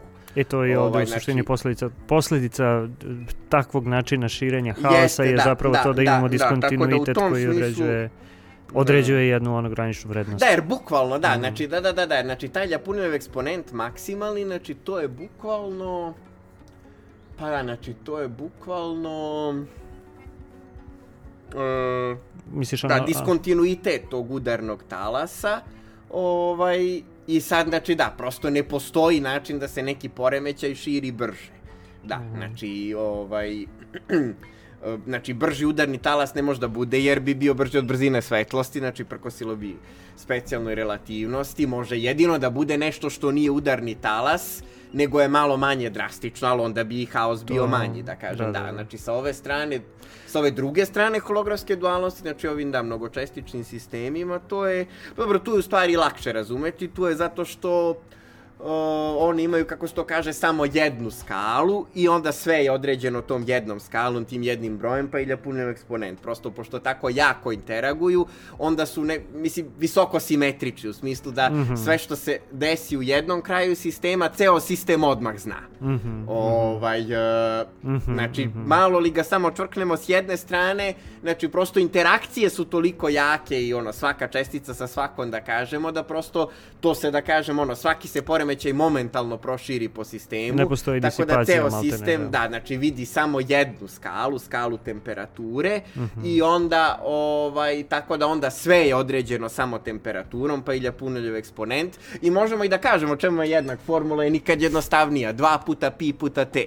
Znamo šta je broj pi, jel? Znači, T je temperatura. Je temperatura. I eto, to je maksimalni ljapuneljev eksponent u odgovarajućim prirodnim jedinicama. Dakle, ovaj, i dakle nikad ne može biti veći od toga, tako da u stvari određen je samo temperaturom, vidimo koliko je univerzalan. Mm -hmm. Svaki sistem opisan je sa, mislim, svaki mnogočestični sistem opisan je gomilom brojeva, te mase, te elektricanja svih čestica, mm -hmm. ali prosto znači kad smo jako interagujući, ovaj, onda sve to nije bitno, znači prosto ovaj, kad su interakcije veoma jake, onda prosto svaki se poremećaj širi tako brzo, to se zove skremblovanje, jel? Mm -hmm. Ovaj, da u stvari, znači, eto, to širenje je, znači, zadato samo tim jednim brojem ovaj temperaturom. Sa strane gravitacije to je malo da kažem malo komplikovanije ali ovaj I da, tako da to je jedan rezultat, ali prosto sve ovo što sam rekao, ovaj, lako je govoriti, nego znači treba, treba sve to učiniti, mislim, preciznijim, nešto od toga već postoji, ali kažem, ima tu još, ima tu još, da, ovaj, ima tu još nepoznanica i tako se u stvari, eto, i time možemo i da završimo, znači, ovaj, i tu, znači, e, znači, tu su ljudi predložili jedan novi način da se okarakteriše, dakle, kažem, ta irreverzibilnost, znači, to je bukvalno scenario gde to evoluiramo, znači kvantni sistem unapred, e, zatim ga, znači, jel, znači, za, zatim ga malo poremetimo, potom ga evoluiramo unazad i onda, dakle, možemo da gledamo pre, dakle, preklapanje ovog početnog stanja mm -hmm, i ovog krajnjeg stanja. Mm -hmm. Sad da ga nismo malo poremetili, onda bi naravno poklapanje bilo potpuno, ali pošto smo ga malo poremetili, onda jel da, znači kod haotičnih sistema to će jako brzo da opada, jel to preklapanje. Ovaj, a znači kad krenemo da evoluiramo unazad, dakle a kod ovaj a kod regularnih sistema naravno znači to će da bude sporije. Uh, I u stvari to je pravi kvantni analog ovaj Ljapuneljevog uh mhm, eksponenta, uh -huh. to se mhm. zove Lošmitov eho, jer je Lošmit u stvari nešto slično u čisto klasičnim klutnom ovaj, slučaju predložio davno, davno, još u 19. veku, ovaj, jer i on je u stvari jedan od ljudi koji se kao i Poincaré i Cermelo bavili tim problemom i reverzibilnosti, kažem, u klasičnim sistemima. Mm -hmm. ovaj, a eto, znači, sad imamo, znači, mislim, eto, znači, po, imamo i taj kvantni lošmitov eho, mm -hmm. ili nešto vrlo slično, nije baš isto, zove se vremenski neuređena ovaj, korelaciona funkcija. Ovaj, I tu se, znači, jel, znači, taj poremećaj može da bude i neko merenje na sistemu. Ovaj, I tu se zapravo vidi kako, znači, da, znači, kako na kraju, po, znači, po svemu sudeći, znači, jel, znači, kao što smo pričali o Nomadu, znači u vezi problema crnih rupa, znači ta kvantna unitarnost može da se spase. Prošli put smo to pitanje razmotrili, dakle, na nivou, mislim konkretno kako izgledaju te crne rupe koje zrače i tako dalje, a sad možemo i na nivou te, mislim, kako izgleda mhm. njihova kvantna haotična dinamika. Uh, I da, znači, zahvaljujući ovoj granici haosa, znači, ona je taman takva, znači, jel, znači, da unitarnost može da se spase, u smislu da, dakle, Uh, znači postoji znači da znači ona lokalna ovaj ili fazna brzina dakle jel znači rasta te ovaj jel tog lošmitovog eha znači odnosno jel znači opadanja tog preklapanja ovaj u stvari može da bude čak mislim brže od brzine svetlosti dakle ekstremno brza. Međutim u stvari znači prosto uh, da bismo mogli znači iz tog merenja lokalnog dakle da izvučemo u stvari informaciju o sistemu, mi moramo da čekamo dovoljno dugo, znači ne možemo to na osnovu jednog lokalnog merenja da obavimo, moramo da čekamo dovoljno dugo, tako da u stvari to vreme onda nije kraće nego što predviđa mislim, teorija relativnosti, odnosno mm -hmm. na mhm. kraju ipak ne narušavamo ovaj princip, teoriju relativ, da, da. ovaj princip relativnosti, zato što je znači ono ta neka fazna brzina, dakle u jednoj tački možda bude veća, ali znači prosto znači ne možemo nikakvu informaciju da, da, da, da, da, ovaj izvući iz nje tako da dakle na kraju krajeva znači dok prikupimo dovoljno kvantova informacije dakle da se ovaj e, da recimo izmerimo to preklapanje, znači to onda taman zadovoljava znači i princip relativnosti, ovaj a znači zahvaljujući tome dakle da je jel eksponent haosa ograničen na uh, na 2 pt, dakle onda na kraju krajeva to je taman, mislim, jel, to je taman dovoljno, mada i to je sve hipoteza, treba to još detaljnije proveriti, ali izgleda da je to taman dovoljno, znači da, da spasemo i unitarnost. Tako da, dakle, to me podsjeća na onu, ovaj, na onu Borgesovu priču o inverziji vremena, odnosno o promeni događaja u prošlosti, mislim da se zove druga smrt onom Dobro. čoveku koji je priž, ovaj, koji se pokazao kao kukavica u jednoj odsudnoj bici, te je celog života priželjkivao i molio Boga, dakle, da mu, eto, da priliku da se vrati. I na kraju, u samrtnom bunilu, dakle, tamo je želja i uslišena sad, da li stvarno ili samo u bunilu, sve jedno. Dakle, desilo se, dakle, eto, on se vratio u bitku, poginuo kao junak, ali, dakle, neki stari pukovnik koji o tome priča, u prvom razgovoru sa autorom, kaže, eh, o, kad je počelo da se puca, poneo se kukavički, zatim u drugom razgovoru sa autorom, on se prosto ne seća toga čoveka i kaže svi pokušaju da mu ga prizovem u sećanje, nisu urodili plodom, a u trećem razgovoru kaže da, da, umro je onako kako bi svaki muškarac požele, umro je jurišajući, dakle, onda Borges komentariše, izmeniti jedan događaj u prošlosti ne znači izmeniti samo taj jedan događaj, Da, da, već i da, bezbroj da, da. događaja Mhm, koji su sa mhm. njim kauzalno povezani. Mhm, mhm. Eto, nekim čudom ovde je to bilo moguće, ali naravno, dakle, to je izazvalo, dakle, jel, dakle, to je izazvalo posledice i ne, Mhm. nesuglasice za koje je trebalo određeno vreme, dakle, da se ovaj, da se reše, te smo stoga prvo imali situaciju koji se Da se pukovnik odjednom ne Mhm, seća toga mhm. čoveka, a onda na kraju se sve usaglasilo.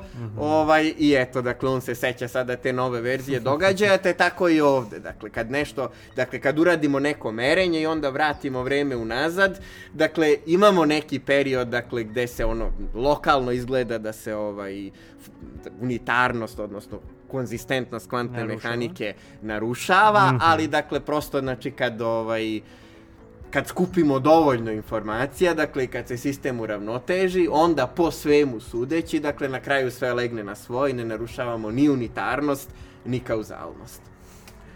Naravno, nemam nikakvih sumnji da, čak i ako se ovo, kao što izgleda, pokaže kao tačno, bit će tu još problema, jer naravno, problem vreda rešavanja dokazuje svoju vrednost time što uzvraća udarac.